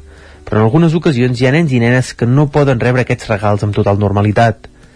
Encara que els reis siguin màgics i portin els regals allà on són els nens, els infants que es troben en els hospitals viuen les festes d'una manera diferent, i qualsevol regal ajuda a pujar la moral i a seguir tirant endavant. A Osona, i més concretament a la zona de Sant Hipòlit de Voltregà i les Masies de Voltregà, ja fa uns anys que va néixer una iniciativa que s'ha acabat convertint en tots uns reis mags per a aquests nens i nenes cada Nadal. Regalant petits peluixos fets a mà amb llana als infants hospitalitzats, l'entitat Llanetes en companyia treballa de manera incansable per arrencar somriures a les cares de tots els infants, amb uns ninots que aixecarien la moral a qualsevol. Així que avui, per acabar de tancar les festes i acomiadar els Reis Mags, des de Ràdio Vic i a través de l'antena del Territori 17, parlarem amb la Maria Àngels Vilà, fundadora d'aquesta iniciativa. Tot prové mm, d'un pensament que vaig tindre en un moment determinat. O sigui, vaig, jo tenia la meva neta, que era molt petita, i se me va ocórrer fer ninos que es diuen amidigumis, que són ninos fets de ganxet amb llana. I vaig pensar, ah, li faré ninos a la meva neta. Mentre els estava fent, un dia, quan ja en sabia bastant, vaig veure un programa de nens malalts per la televisió, de la Vall d'Hebron. I vaig pensar, ostres, si, si aquests nens que estan malalts poguessin rebre un nino de llana, estaria molt bé perquè és molt, molt bé per un criu malalt amb un llit. El ser de llana és una cosa que és amorosa, que són agradables de, amb el tacte, i bueno, el meu cap va començar a cavilar fins que un dia eh, vaig pensar com fer-ho i me'n vaig anar a l'Ajuntament de les Masies de Voltregà, vaig parlar amb l'alcalde i em va dir m'agrada el projecte, vinga, tirem-ho endavant. La Maria Àngels tenia la idea, però ella sola no podia arribar tot, ni amb les seves mans fent peluixos, ni amb la seva butxaca pagant les llanes. El seu crit d'ajuda, però, no va tardar a portar resultats, amb suports voluntaris d'altres senyores i monetaris per part de les institucions públiques. A veure, eh, com el penses fer? Jo vaig dir, bueno, doncs, mira, el millor és agafar, o sigui, captar senyores del poble que vulguin jugar eh, fent, o sigui, que vulguin ajudar fent aquest projecte i que l'Ajuntament pagui les llanes, perquè, és clar, treballar gratuïtament, pues, mm, això ho fem, però el cost de les llanes ja puja massa perquè cada persona pugui eh, tindre que, que carregar amb aquest cost. Llavors vam, vaig pensar això i l'Ajuntament em va dir que sí, que sí, sí, que, que ells pagarien les llanes i nosaltres treballaríem. Totes són voluntàries. En aquell moment van començar siguent 10 senyores. Eh, a la llarga, ara, en aquests moments, són 35 senyores. D'ençà d'aquella primera idea i aquells primers passos, Llanetes amb companyia ha anat madurant i creixent fins al punt que l'any passat, entre totes les senyores van fer més de 650 peluixos. Vilà explica com s'organitzen actualment. Són dos professores, bueno, en aquest moment ja són tres. Nandi Poveda, eh, Maria Àngels Vila, que sóc jo, la tercera professora és Montse Maideu, que me la descuidava, i mm, anem ensenyant anem eh, a totes les que no saben com. I les que ja en saben amb tot això de la pandèmia eh, ho fan a casa seva i porten el nino acabat de fer. Bueno mm, aquest va ser el, la, la idea. Ja dic, cada vegada ha anat mm, sent més gran cada vegada fent més ninos en aquests moments aquest any han fet 650 ninos que han portat a l'hospital de la Vall d'Hebron i han portat a l'hospital de Vic. Arribar a fer 650 peluixos no és una tasca senzilla, però encara ho és menys quan es té en compte que aquesta xifra l'assoleixen entre totes fent tots els regals a mà. Ara, a més, ja els fan amb els seus mateixos patrons, però no sempre ha estat així. Realment, ara, avui en dia, ja inventem el, molts patrons dels que fem, però fins ara hem estat fent del Pinterest, per exemple, que és una cosa d'internet, amb un eh, donen patrons gratuïts, jo els tradueixo, perquè a vegades són en rus, en txecoslovac, eh, bueno, en molts idiomes, els tradueixo amb el Google, perquè no és que jo els sàpiga, i llavors fem un patró. I les senyores han d'anar seguint el patró aquell. O sigui, allà els hi posa ara fes un anell màgic, ara fes un augment, ara fes una disminució, etc etc, fins que tenen el nino fet en diverses parts. I després el cusen i és quan construeixen el nino. Vull dir, no és fàcil, però tampoc és, tampoc és res impossible de fer, eh? Tot el procés no és precisament ràpid, ja que com tot regal artesà, requereix una experiència i una traça que a poc a poc la van guanyant totes. Doncs pues mira, per fer un nino, mmm, jo diria que unes 15 o 20 hores poden, pots tardar en fer un nino normalet. Ja no et parlo d'un nino molt elaborat, pot ser més inclús. Eh, això es tradueix en que si una senyora cada dia fa tres, dos o tres hores, doncs imagina't, potser una setmana, una setmana i mitja per fer un nino, aproximadament. Hi ha qui va més de pressa, hi ha qui va més a poc a poc, hi ha qui eh, s'està tota la tarda fent-ho, i hi ha qui només té doncs, tres hores perquè treballa i després a la nit, mentre mira la tele, ho va fent. Això de tots els colors n'hi ha. De peluixos n'hi ha de tots colors i formes, però hi ha alguns patrons que encaixen més per a determinades franges d'edat, com el cas dels pops per als més menuts. En qualsevol cas, tots comparteixen un tret. Estan fets de la millor qualitat. Els nadons sí que tenen uns ninos especials perquè han de ser ninos petits i que puguin tocar-los amb les seves mans tan petites puguin agafar-los. Els de més no, els de més ja són ninos de tota mena, tots, això sí, fets de ganxet, fets amb llana i amb la floca que porten a dintre és floca ignífuga. I la llana és antialèrgica. És una llana molt cara, però realment per als crius és la millor llana que ha, és de càtia, i és una llana de molt bona qualitat. Per què? Perquè a cap criatura li pugui donar al·lèrgia o qualsevol cosa, de, o fa borrissol perquè pugui molestar aquell borrissol a la criatura. Inclús aquests ninos es poden posar dintre de la rentadora i es renten normal i corrent com si fos un jersei de llana i sempre queden bé. No hi ha ni una peça de plàstic en tot el nino, ni un tubo, ni... no hi ha res que pugui una criatura fer-se mal. Tot és llana i floca, no hi ha res més. El procés de creació és divers i cada persona pot adaptar-s'ho de la manera que li vagi millor.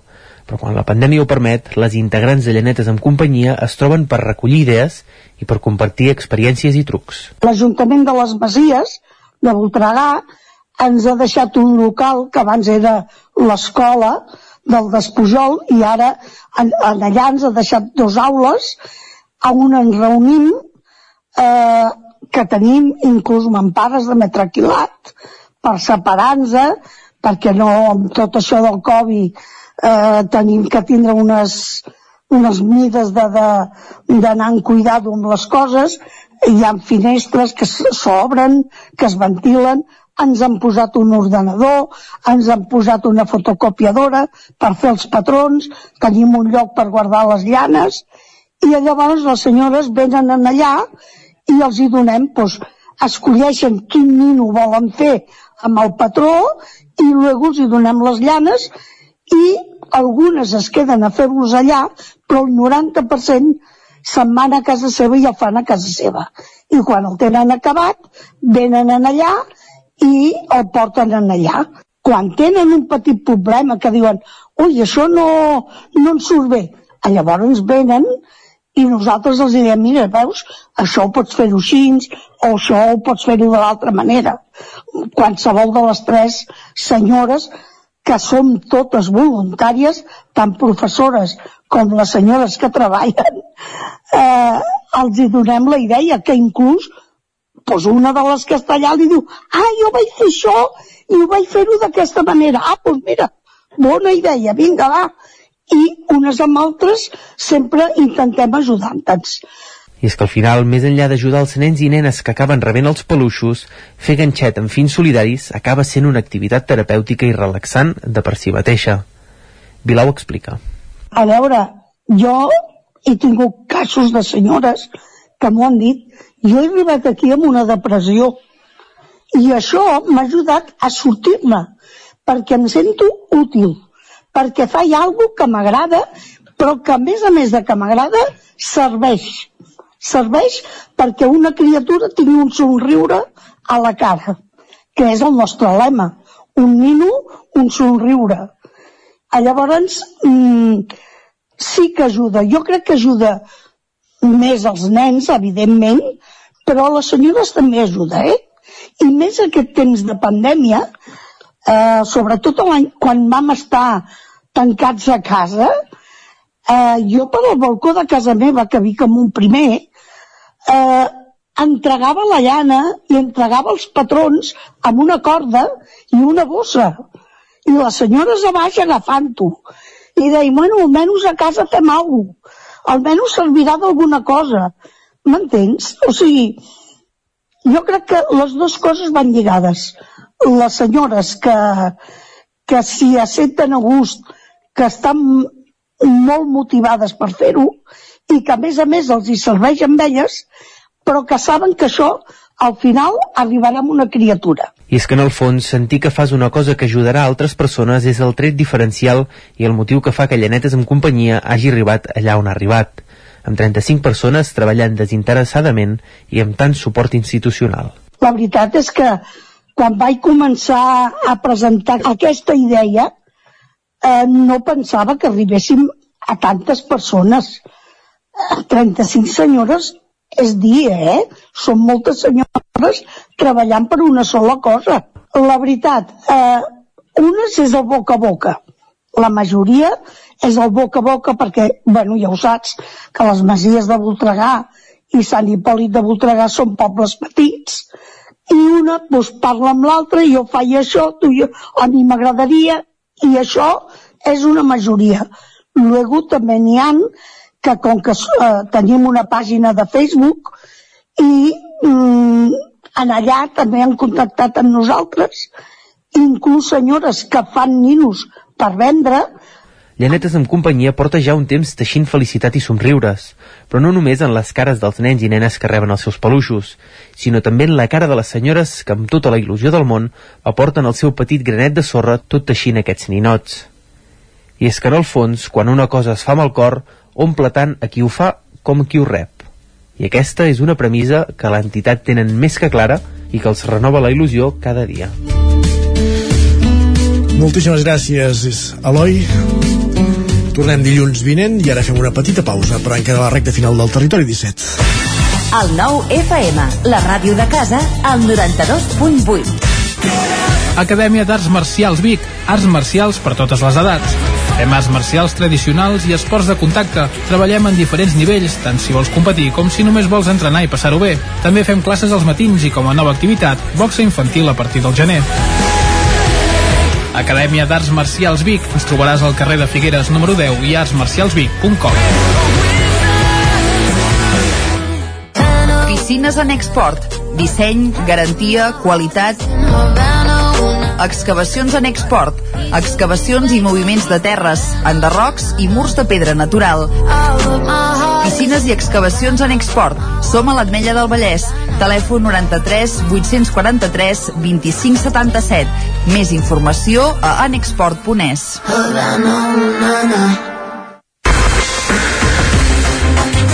El nou FM, la ràdio de casa, al 92.8. Saps què és el confort intel·ligent? És tenir un terra radiant Giacomini a casa. Benestar que no es veu, però es nota tot l'any. I que pots controlar a distància des del teu mòbil, estalviant energia i diners. Suma't al confort intel·ligent amb Giacomini. Informa't a giacomini.es o truca al 93 884 1001 i t'ajudarem a tenir un terra radiant a casa o a l'oficina. Giacomini, la climatització que et mereixes. A Catalunya tenim molts reptes i només amb el talent de tothom podrem assolir-los d'una forma més conscient i sostenible. És l'hora que construïm un futur millor, més just i respectuós amb el planeta. És l'hora que entre tothom fem la Catalunya que volem. Fem-ho bé, fem-ho tot, fem-ho possible. Generalitat de Catalunya. La ràdio de casa al 92.8. El nou FM. Cobertes serveis funeraris. Els nostres tanatoris estan ubicats en els nuclis urbans més poblats de la comarca d'Osona per oferir un millor servei. Tanatori de Vic, Tanatori de Manlleu, Tanatori de Centelles i Tanatori de Roda de Ter. Sabem que són moments difícils i per això el nostre compromís és atendre-us en tot moment amb un tracte humà, sensible i respectuós. Cobertes serveis funeraris. Telèfon 24 hores 93 883 23 46. Anuncia't al 9FM. La ràdio de casa. 9 3 8 8 9 4 9 4 9 Publicitat arroba al 9FM.cat. Anuncia't al 9FM. La publicitat més eficaç. El nou FM. El nou FM. El nou FM. El nou FM. Territori 17. A Tren d'Alba. Cada dia els usuaris de la línia R3 de Rodalies que veuen sortir el sol des d'un vagó ens expliquen les gràcies i les penes del primer comboi que uneix Ripoll i Barcelona. Benvinguts a Tren d'Alba. Les coses segueixen igual. Fa uns dies l'usuari Antoni Martí es queixava que el tren que anava fins a Barcelona arriba ple des de Puigcerdà i en composició senzilla, el que provoca que hi hagi gent d'en peus i a terra a tots tres vagons. Més de dues hores viatjant amb aquestes condicions. Aquest usuari, després d'estar una hora d'en peus, amb cada vegada més gent com sardines en llauna, decideix baixar a Vic i agafar un altre tren. Deia que perdria mitja hora, però que almenys conservaria una mica la dignitat. Des del col·lectiu perquè no ens fotin el tren fa temps que reclamen al Departament de Territori que revisi la llargada dels trens en funció del nombre d'usuaris, ja que hi ha trens curts sempre plens i trens llargs buits. Però es veu que diuen que això no és veritat. Les imatges valen més que mil paraules. Aneu a Twitter i allà ho veureu amb els vostres propis ulls. Us deixo ja amb en Jordi Valls perquè ens expliqui el trajecte d'avui. Bon dia, sóc en Jordi de Centelles. Un minut abans. Repeteixo, un minut abans. Ole tu. Cert que anava de pressa, tancava portes i no s'entretenia a les estacions. Aquest és el secret, no perdre el temps a les estacions. Avui ha estat un dia de retrobament, de veure'ns de nou, d'explicar-nos, de fer recompte de caiguts i caigudes pel Covid, com si fos una batalla, i gran eh, homenatge a totes aquelles empreses, organitzacions i administracions que permeten ampliar el teletreball per evitar i assegurar que la gent estigui bé. Jo he baixat en tren. Ironia mode on. Res, és molt curtet, molt curtet, molt curtet, perquè realment no hi ha gaire que explicar. Ha anat tot molt bé, molt suau, sense embolics. bueno, a Plaça Catalunya ha sortit una gotera nova, eh, fem recompte de caiguts, gotera nova de goter, perdó, a Plaça Catalunya, i amb aquella oloreta de sempre. Però bé, això és com una benvinguda, si no, no seria Plaça Catalunya. Res més a dir-vos, desitjar-vos un bon dia i que una Renfe qualsevol no espatlli la màgia del tren. Adéu-siau!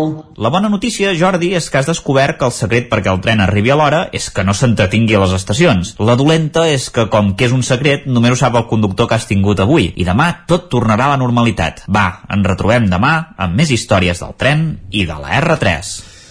Doncs vinga, pas, després de passejar per l'R3, moment de parlar de futbol.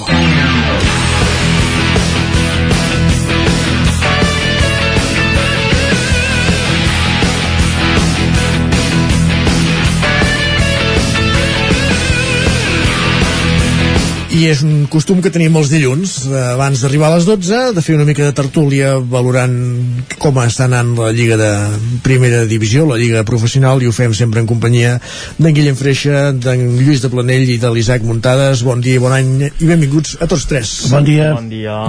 Bon dia, bon dia. A veure, eh, si analitzem la jornada present, el Barça va empatar al camp del Màlaga dissabte, l'Espanyol juga avui, per tant, encara no en podem parlar, podem fer la prèvia. Havíem de fer la tertúlia demà. Exacte. I el Madrid, que va golejar 4-1 i ja torna a ser més líder que mai, i ja bueno, té la Lliga guanyada, però esclar, a mi també m'agradaria parlar de les dues jornades anteriors del Madrid, una derrota al camp del Getafe i un empat eh, i un empat amb, amb, amb... Aquests, aquests del Barça són... Sí, eh? No, no, perquè És increïble, no. No, és que sé que l'Isaac ara començarà aquí a fer aquella, allò que fa ell, que hem guanyat la Lliga, ja no cal continuar jugant i, i la cosa està feta.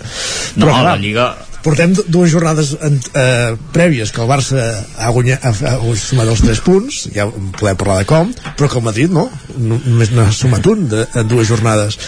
I com que, clar, això ara quedarà diluït per aquesta jornada que, que acabem de passar, doncs, clar, m'agradaria fer-ne esment, també no?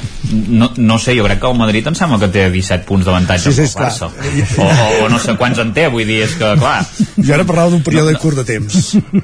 Sí, bé, vam tenir un, un tram complicat, però és que el Madrid en la primera volta ha perdut dos partits, eh? Vale, vale. Només vull recordar-ho, i, i, i n'ha empatat tres, em sembla, vull dir que també eh, n'ha guanyat molts de, de partits, de fet, és el que més n'ha guanyat de tota la Lliga. És, sí, esclar, per això i, si, si, estem en, si estem en crisi, beneïda crisi, no? Jo no, Perquè dic ara estigui, mateix... jo no dic que estigueu en crisi. Jo només he dit Vale. que, que no farem que, Vale, no, vale. que no fem només la foto d'aquesta jornada, que clar, que venim Vale. de dues, que no hem fet tertúlia, que també No, valdria la pena fer aviam, esment. la, la, la Lliga jo crec que no, no és que estigui guanyada, però és cosa de dos. Ara ja sí que podem dir-ho, que només el Sevilla aguanta el ritme, perquè sí que si guanya el seu partit eh, es posaria a dos punts del Madrid, Mhm. però la resta d'equips ja estan molt enrere. El Betis ara mateix eh, tots tenen un partit menys, eh? perquè recordeu que el Madrid va avançar una jornada però està a ca- a 14 punts el Betis, a 15 l'Atlètic de Madrid eh, veig que el Barça són no, si el Barça són 17 amb, també amb un partit menys, vull dir que aviam la cosa està ben encarrilada. De fet és un graner de punts que servirà per, per aquesta època que tradicionalment és, està més atapeïda de partits perquè hi ha les eliminatòries de Champions, de Copa del Rei eh, la Supercopa d'Espanya. Vull dir que són èpoques en què s'han de fer més rotacions. Aquest any més que mai, perquè això del tema del coronavirus, doncs, cada jornada hi ha 50.000 positius per Covid a, a tots els equips, vull dir, recordem que al Madrid, per exemple, no li van suspendre el partit del Cádiz, tant que volíem parlar d'aquests partits entremig, quan tenia, no sé si eren eh, 12 o 13 positius l'Atleti de Bilbao també en tenia 11 o 12 i, i va anar-hi va competir i, i va guanyar el partit vull dir, El, el Barça Mallorca també. Sí, i el Mallorca també tenia baixes, eh? Vull Sí, dir, sí. també s'ha de dir tot, eh? No, no, no, no amaguem només... I el Barça, a més a més, ara esteu molt contents de tenir un gran planter i esteu traient molts jugadors de- d'això, quasi cometeu alineació indeguda, també s'ha de dir quasi. que va anar, va anar ca, quasi que hauria d'haver estat perquè hauria d'haver estat expulsat Piqué però bueno, ja en parlarem perquè Piqué, per- Piqué a part d'ensenyar nòmines i de, sí. i de no interpretar ben bé les mans com, com són i això, doncs potser s'hauria de dedicar als seus negocis, no? Que, això són, que, que la nòmina són 2 milions, coma 3 de, sí. del al desembre i 2,3 al juny, però el que guanya dels seus negocis segur que no és 2,3, Bueno, és però més. aquí parlem no? del sol del Barça, no? Vaja. Sí, bueno, però que vull dir que és indecent, home. Bueno, ho hagi que ho hagi d'ensenyar, no cal, no cal que ho Bueno, ensenyi. ho va ensenyar per desmentir informacions que no deien exactament la, la realitat, no? que li posaven el seu sou amb... 25 amb, milions. Sí, amb, amb brut i tot eh, ajuntat i per desmentir-ho va, va fer aquest, eh, aquell tuit ensenyant la seva nòmina amb l'ingrés que diria que era l'aplicació de la caixa vull dir que Sí, bueno, és ben català, tu. Sí, sí, el, els, posa, els posa a la caixa. No, jo crec que el Madrid, m'ha agradat aquest concepte que has fet servir tu, Isaac, de, de fer graner. Jo crec que realment és, és així el, el Madrid ha fet un, un primer tram de temporada eh, molt bo en la, en la Lliga o, o més que molt bo molt regular, ha sigut l'equip més regular això que deies, eh? les, les dues derrotes només el, el Sevilla també n'ha aconseguit dues, tot i això tampoc ha excel·lit, perquè tampoc ha sigut un equip que guanyés d'una manera molt convincent i amb una regularitat eh, super o sigui que cada partit guanyés amb aquesta superioritat i una mo mostra és el que comentava l'Isaac no? que veníem de dues jornades en què el, el Madrid havia patit dues ensopegades van, contra el Getafe per Que, exemple que no van ser seguides, eh, per cert, les ensopegades. Va haver Bueno. un partit entremig amb l'Atleti de Bilbao, eh, també, que es va guanyar. Tens raó. sí, però vull dir que, Sí, eh? que amb, No, amb no, equips no, l'Atlètic va ser abans el de l'Atlètic de Bilbao, no? No, jo crec que va ser primer el del Cádiz i després el de l'Atlètic de Bilbao. hi ha Getafe, Jo- jo de totes no, maneres- Cádiz, Atlètic de Bilbao i, i Getafe, sí que hi ha l'Atlètic de Jo, Bilbao mig. jo de totes maneres parlaria amb, més en global i parlaria de que la Lliga Espanyola en aquests moments mm. la Lliga que sí, algun un, un, un dia algú va dir que eren la referència mundial i no sé què sí, i la miró del món i no sé què eh, la Lliga Espanyola està molt gris molt. i que el Madrid l'únic que té són tres elements en què diferencien de la resta Modric, Benzema, Vinicius i Courtois. I Modric. i Modric, o sigui, i pots posar en quarta, quatre. I ja està, no hi ha més. Sí, sí. La resta és la, una mediocritat global que bé, Sí, sí, un va fent, va perdre, eh, un perd el camp del Cádiz, l'altre guanya no sé on, i vull dir que però no, no es veu un futbol excel·lent, no es veu un futbol de qualitat. No. Les coses han canviat moltíssim i han anat a menys. però és que fins i tot el Madrid és el que volia dir eh? que tot i vull dir, no, no podem negar eh? que és l'equip que està més en forma que és l'equip més regular però que tot i així ha tingut ensopegades contra equips eh, en què plantilles de primeríssim nivell mundial no haurien Però, però d'ensopegar Guillem, fa, fa tres temporades era el Barça que estava així, eh? Sí, sí, Perquè sí. el Barça es deia eh, Messi i poca cosa Sí. més. I Clar. llavors ell, ell marcava Messi la, la diferència. Però- Ara Messi no hi és, per tant el Barça no té aquesta referència i el Madrid en té això, tres o quatre jugadors sí, però, que, Lluís, que van molt bé. però fa tres temporades ja estàvem de de baixada en el prestigi de la Lliga Espanyola, jo crec, eh? perquè si, si ens posem en el moment diguem esplendorós de, de Barça i fins i tot de Madrid, eh? perquè el Madrid, jo crec que els anys de Cristiano Ronaldo al Madrid tot i que potser amb títols, eh, amb Champions sí, però amb lligues eh, no s'acaba eh, traduint aquest, aquest domini, i que el nivell també era molt gran i es traduïa amb lligues en què Barça i Madrid treien la tira en els seus perseguidors. I, i ara això, el Barça és un pacient a la UCI ara mateix, eh, és un, un malalt crític que, que se, se l'ha d'intentar anar reanimant, i el Madrid eh, ha sapigut anar fent aquests retocs, aquestes peces, ha allargar també la vida futbolística de, de Modric, que si no recordo malament els dos últims 36 estius anys. també es comentava de si marxava, de si no marxava, de si se li havia acabat la corda per estar al Madrid. Eh, Benzema, clar, Benzema eh, té 33 anys, no deu tenir? Eh, Però no ho sembla, eh? eh, efectivament, Sí, sí, és no, que... no, els, els, fa, els fa de dos en dos, eh, Clar, quin, quin davanter amb I- i no- 33 anys eh, et donarà el rendiment que 300 té? gols, 301. I llavors tens Vinícius que eh, és el crac, Ja de, és el crac del, dels rebots. Vull dir, Vinícius... El crac del rebot, és un fenomen, és un fenomen aprofitant rebots i emportant-se rebots. Gols de... El jugador més desequilibrant del món. Però, però- però amb ara, rebots. Ara mateix el... Sí, sí, sí, rebots, do, Gols de- 12 gols, eh? Gols, gols de Messi de rebot en vaig veure moltíssims Bueno, al llarg de no. la seva carrera. eh? Messi gambetea. va. Exacte. No, no, no. Messi aquest any 0, 0 gols, eh, de moment. Més gols Luke de Jong, eh? aquesta- No. malament. Bueno, això torna Perdó, Luke, Sky, Luke Skywalker de Jong, eh? A partir d'ara no li diré més Luke de Tronc. Uh, S'ha guanyat el meu cor. Luke de és New, New. Look, li deien l'altre dia. De totes maneres, New look, new look. jo per dimecres tinc ganes de veure en júnior contra en sènior. Júnior contra en sènior. En Vinícius Júnior, qui és en sènior? En... El de l'Albes. Del Barça? Hòstia. Ah, sí. Sí, sí. A veure, és un partit eh, que, que no té cap importància, és una Sí, competició sí. menor, eh? Vull dir, si es perd, no passa res. Ah, ah, ah, alerta. Sempre poses la vena abans de la ferida, eh, tu, tu Isaac. A veure... Ah, és, és, és la l'efecte pitonisso, que ja ho veig, clar. Clar. I jo crec que, no, que això, que dimecres hi ha aquest eh, clàssic de la Supercopa i que un Barça-Madrid sempre és un Barça-Madrid i amb el cas d'Alves eh, bueno mm, haurà de- d'anar molt de compte no? si, si el fa jugar de titular que tampoc hi ha massa Jo, jo, si, si d'ell no em passaria del mig del camp.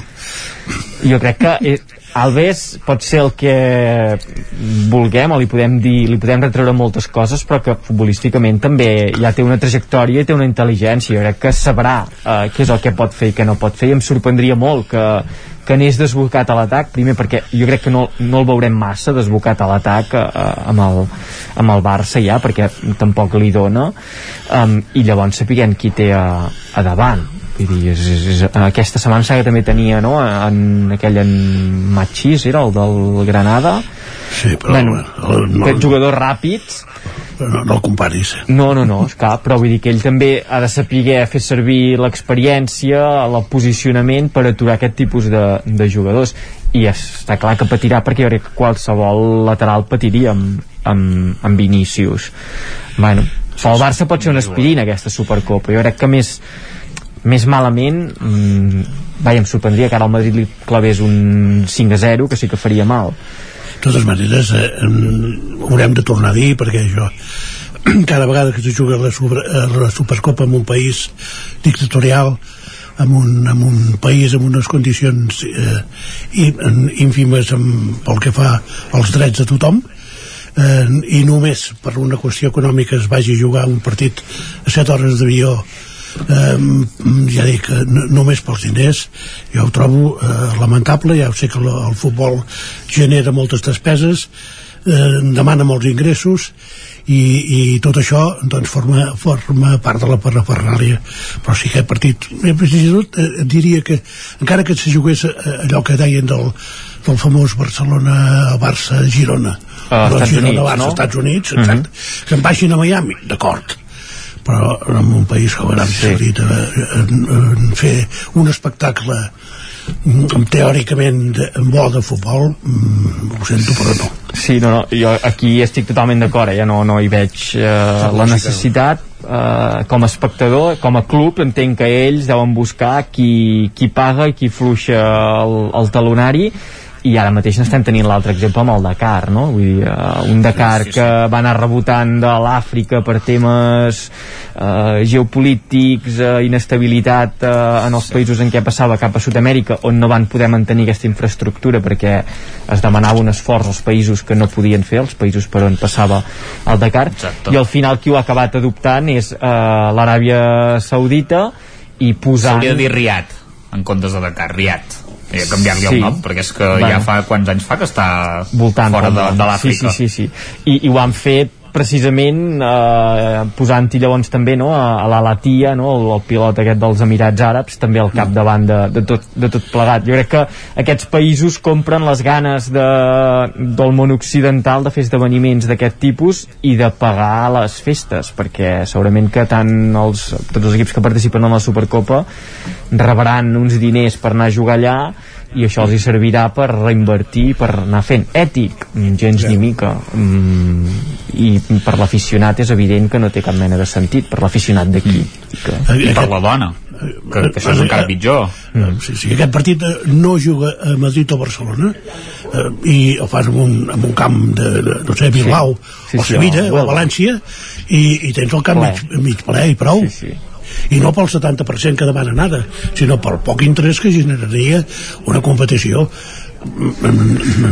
Estem tots saturats de futbol. Sí, però quan la Supercopa es feia al principi de temporada i era l'obertura de, de l'any llavors, llavors era, era un o dos partits i ja està. Sí, un o dos no. partits. Sí, bueno, com ara, eh, també, que són un o dos. L'únic que abans era contra no. el mateix equip i ara semifinals i final. Però és com una final a 4, no?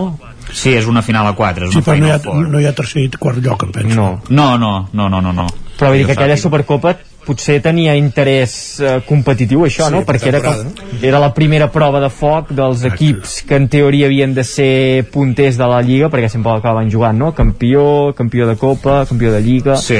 I tenia un interès. Ara s'ha prevalgut els interessos econòmics dels esportius i, i se l'han emportat eh, cap allà. Jo crec que no s'ho prendran com un amistós, ni, ni Barça ni, ni Madrid, tot i que estan molt condicionats eh, ja sigui pel coronavirus per el calendari de Lliga que també apreta i que en un mes el Madrid comença Champions i el Barça també deu començar eh, Europa League bueno, amb aquest ja saps com va això, eh? El que perdi com l'Isaac abans. Sí, clar. Ara és un partit que no té importància, que, ja, ja, sí.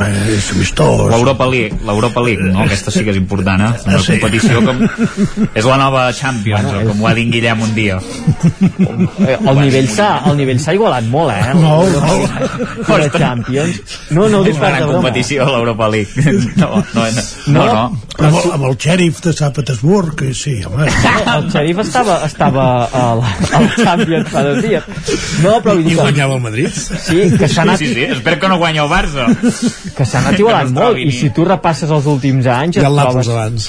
et trobes equips que han fet molt bones temporades de Champions que anys abans havien, pocs anys abans o poques temporades abans havien o guanyat o fet bones trajectòries a l'Europa League. El, el Barça, per exemple. Esperem-ho, que el Barça faci ara una bona trajectòria a l'Europa League i que aquí sigui una pista d'enlairament per començar aquest nou aquest nou projecte. O sigui, jo tampoc la, la ningunejaria. Que el Barça no hi hauria d'estar, és evident, que ara tampoc en farem uh, gala i sí, que... Sí. Si la direm... guanyeu, res de celebrar-ho, eh? No, ni canaletes, eh? No, esclar que s'haurà de celebrar. Demanar perdó per haver-la guanyat, eh? Perdona, uh, la primera eliminatòria és contra el Nàpols. El Nàpols... Uh, sí, i, i, el Madrid contra el PSG, què, què bueno, però vull dir que els últims anys... encara els últims anys això era una, eren dos clàssics de, de Champions League. Vull dir que mm, el nivell... Sí, el Nàpols, mare de Déu, quantes lligues ha guanyat el Nàpols en els últims 20 bueno, anys? Però perquè ja sabem el, que... El Nàpols és que no té Maradona, és que fa molts dies d'això, eh? Ja, però guanyat a Itàlia, a Itàlia sabem que la Juventus mm, domina molt i l'Inter també ha anat fent bones eh, temporades, no ha pogut eh, guanyar el títol, però fa anys que el Nàpols també es mou per la zona alta de la Lliga, de la Lliga italiana i el Madrid amb el PSG doncs veurem, jo crec que el PSG mm, s'està veient, no? molt nom, molt nom però no, Bueno, hi vaig veure un rato un partit i va ser bastant desastrós, eh, del PSG. Vull dir, es nota que juguen totalment per la individualitat, els hi falta pla d'equip. De, totalment bueno. també els hi falta mitja plantilla tots s'ha de dir, però quan hi han set quan hi ha hagut Messi, eh, Di Maria Neymar, tots aquests que ara estan, estan absents, algun jugador al mig del camp també important i, i no, no estan fent gaire res no, que no dic que aquell dia no, no estiguin bé i facin un gran partit, però que ara mateix el PSG però... com a col·lectiu és, està per sota el Madrid bueno, és la demostració que el futbol no és un àlbum de cromos no? Um... no exacte, per això fitxarem Mbappé i Haaland l'any que ve, per equilibrar les coses. Sí, I, i per demostrar que és un àlbum de... Mbappé. Jo sóc un admirador Mbappé.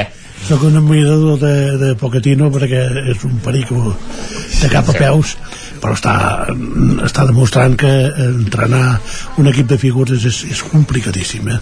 Clar, és, és complicadíssim Uh, has de gestionar egos, has de gestionar posicionaments al camp, has de gestionar habilitats um, que se sobreposen, uh, um, esforç defensiu, que és clar, amb aquestes estrelles, um, Messi els últims anys aquí al Barça no et diré ho havíem patit però ho havíem vist que clar, amb la pilota als peus i jugant a nivell ofensiu sí que es troba còmode però hi havia molts minuts que s'havia d'anar darrere la pilota i era com si no hi fos el, el terreny de jo joc. t'explicaré un partit a Cornellà al Prat amb el, el Barcelona amb 10 per l'expulsió de, de Frenkie de Jong i eh, en el minut 90 en, eh, un contraatac de, de, de l'Espanyol i els senyors Messi i Suárez que tornen caminant la qual cosa va, va aprovechar un, un xinès que, que, que corria per allà per, per empatar el partit sí, sí. vull dir que, esclar no, no. en aquestes condicions és molt fàcil jugar a futbol a vegades eh? Clar, i, i que precisament eh, quan vas amb una plantilla així et trobes que tothom ja t'espera i et juga a que et trobis còmode amb la pilota, que no puguis tenir ritme i que després eh, Messi va apostar pel PSG perquè suposo que li devien oferir eh, tot i més i això, aquest àlbum de cromos també al costat però no, jo crec que no, no s'hi ha adaptat ni la no. ni l'experiència crec que li sigui massa massa positiva jo, jo, jo si em permeteu dir-ho jo diria que en Messi no estaria bé a cap equip excepte el Barça clar, per, perquè, sí. clar, si has fet tota la teva carrera allà però és, és, és impossible que, que et trobes igual de bé amb un club que acabes d'arribar per, per moltes figures que sigui o, per, o, sí. o que no en tingui però, però és igual, l'ambient sí. l'equip jugava per tu el que et permeten i, i, ara, no, i ara no tu, i ara ja no en passa absolut. això i llavors vull no. dir, és, és complicat jo diria que en Messi amb la Juventus tampoc hauria encaixat no. jo crec que sí, el Messi l'únic lloc que hagués encaixat és el Manchester City segurament, bueno. una mica pel plantejament de joc segurament i perquè potser hagués trobat una persona que el hagués sapigut guiar sí. molt bé i el hagués sapigut uh, motivar i que els, vull dir que el sap portar que ja s'ha demostrat que el sap eh, portar. Sí, però no sé si el cansament de Guardiola per deixar el Barça tenia noms també, eh? Bueno, sí, suposo que mm, és, és possible. Però és que sí, sí. en el City Guardiola també ha dit que és una etapa que tindrà un, un punt i final. Potser si li haguessin dit ben Messi, doncs igual tens dues temporades per acabar de guanyar la Champions i també tancar l'etapa. I aquí és on entra en joc amb això de que no es trobaria en lloc còmode els entorns dels futbolistes. Uh, Messi, jo crec que si hagués raonat una mica més profundament hagués vist que això, eh, que en lloc podia fer el que estava fent el Barça i que tenia la... Però el Barça no el va voler, eh? Bé, no el va voler perquè no havien... Diners. No es podia inscriure, no? Ferran Torres, per cert, ja... tampoc s'ha inscrit, no, crec? No, no, encara no. Encara no, encara no. I té Covid, sí, vull també. Dir que malament, no? Vull dir, Va. què passa aquí? Que no, no s'ha de lleugerir més la massa salarial? Esclar, han de baixar uns quants encara. Han d'anar sortint sí? jugadors, però això també torna a demostrar, uh, no sé... Altra cosa que algú els vulgui, però... Sí. Però, però llavors surt a la porta i diu ara fitxarem en Haaland per 100 milions és que aquest és un Aviam. fantasma de cuidado eh? la porta la porta ja, i ni pagarem no. 30 al representant, 40 no sé què i 30 més al no jugador no. i vosaltres els culers no, no, no la aneu porta... allà i li foteu un, un raig de tiros no entenc això la porta sap i convertirem l'aigua en vi la, por la porta ha de jugar les seves cartes. La porta no pot sortir i dir uh, estem més Home, escurats que a que pitjarà Mbappé del. Calen Però guanyarà no. les pròximes 5 Champions això no pot dir, clar, no, evident- evidentment i ha de jugar les seves cartes. I ara mateix doncs li toca eh, dir això. I a l'estiu doncs intentar negociar eh, amb algun jugador de primer nivell. Eh, Haaland doncs segurament no se'l podrà eh, fitxar per diners se l'haurà de convèncer d'alguna altra manera. I aquí és on entra molt en joc ser la Champions. És que clar, això és bàsic. Si no ets a la Champions uh, o sigui, si no ets a la Champions i no tens diners per pagar les ganes que vingui un jugador clar, és que vull dir, surts eh, sense cap variable possible per, per quedar-te amb, amb un futbolista de primer nivell. I quan dic primer nivell vull dir fins i tot futbolistes que estan fent bones temporades en equips de segona línia no podràs anar a batallar per ells perquè et vindrà el Sevilla, et vindrà qualsevol altre que on no arribi amb diners, si és que no hi arriben amb diners, hi arribaran amb projecte eh, esportiu. De totes maneres, eh, cada vegada hi ha menys fitxatges, si us hi fixeu. Sí, sí, menys moviments. Bueno, o són allò rotacions, no? lligues. Marxa, no, o marxa aquest, entra l'altre, marxen Coutinho, entraran Ferran Torres... Jo diria que... torna, Dan, torna Dani Alves Exacte. Sí, bueno, clar, Hauria, hauríem, gratis. hauríem de fer memòria per saber si hi havia tants jugadors de primer nivell no, no, no de segon nivell o Mhm. joves, sinó de primer nivell cedits. Bueno, esclar, perquè són les O sigui, titu- argúcies titu- titulars. financeres, no? I Clar. és clar, dir, ara aquest el cedeixo perquè tingui més eh, fair play eh, Financer financer per, per, per incorporar aquest altre aquest, aquest altre tampoc em va bé i, eh, en fi, és que Bueno, és una bola que s'ha anat fent grossa i aviam com es para, no? Um, tot plegat. I potser s'emportarà alguna, alguna víctima per endavant. Mm, esperem que no sigui el Barça a nivell, a nivell financer. Però, esclar, quan veus aquestes coses sí que et preocupa, perquè penses, ostres, què s'ha fet aquests últims anys a nivell econòmic perquè una entitat que tenia una persona com en Messi, un futbolista com en Messi, que movia tot el que movia, mm, que no s'hagi pogut sustentar l'economia del club mínimament, hosti, mm, s'ha d'haver gestionat realment malament, eh, tot plegat. jo no sé, no sé de números perquè quan em presenten un balanç econòmic no, no el sé ni llegir però no, a mi no, no em surten els números eh? Bueno, Vull dir, això de que en- ingressessiu Sí. tant i llavors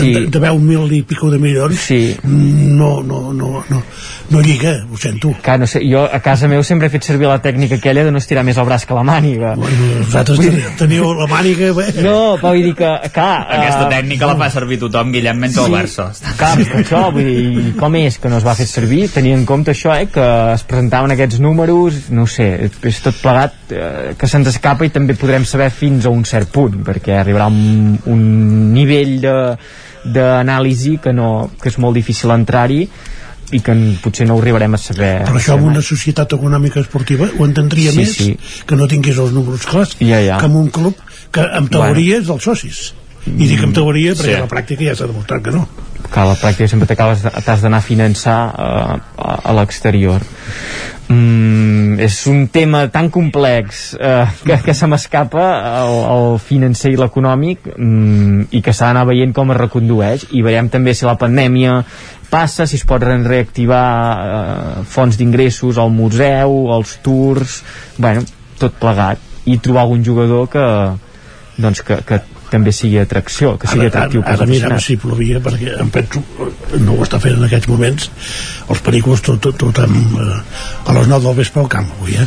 I no us mullareu, o no? O perquè està... No, està cobert. Està cobert, allò. està cobert, eh? no és com el Barça que cauen caques de Depèn, depèn de, la, de la zona. A Frankfurt no porten... A les 9, Espanyol Elx, dimecres aquesta semifinal de Supercopa Barça-Madrid. Eh, en parlem de tot plegat la setmana vinent. Gràcies, nois, Guillem Freixa, Lluís de Planell i Isaac Muntades. Adéu. Gràcies, bon Adéu, dia. vagi bé. Adéu, adéu. I acabem també el territori 17 d'aquest 10 de gener de 2022, el primer de l'any. Pep Acosta, Txell Vilamala, Jordi Vilarrodà, Guillem Sánchez, Òscar Muñoz, Jordi Givert, Esther Rovira, Núria Lázaro, Eloi Puigferrer, Isaac Muntades, Guillem Freixa, Lluís de Planell, Jordi Senyor i Isaac Moreno són qui us hem acompanyat des de les 9 del matí. I tornem demà a la mateixa hora. Adéu-siau. Territori 17 un magazín del nou FM. La veu de Sant Joan. Ona Codinenca i Ràdio Cardedeu amb el suport de la xarxa. El nou FM.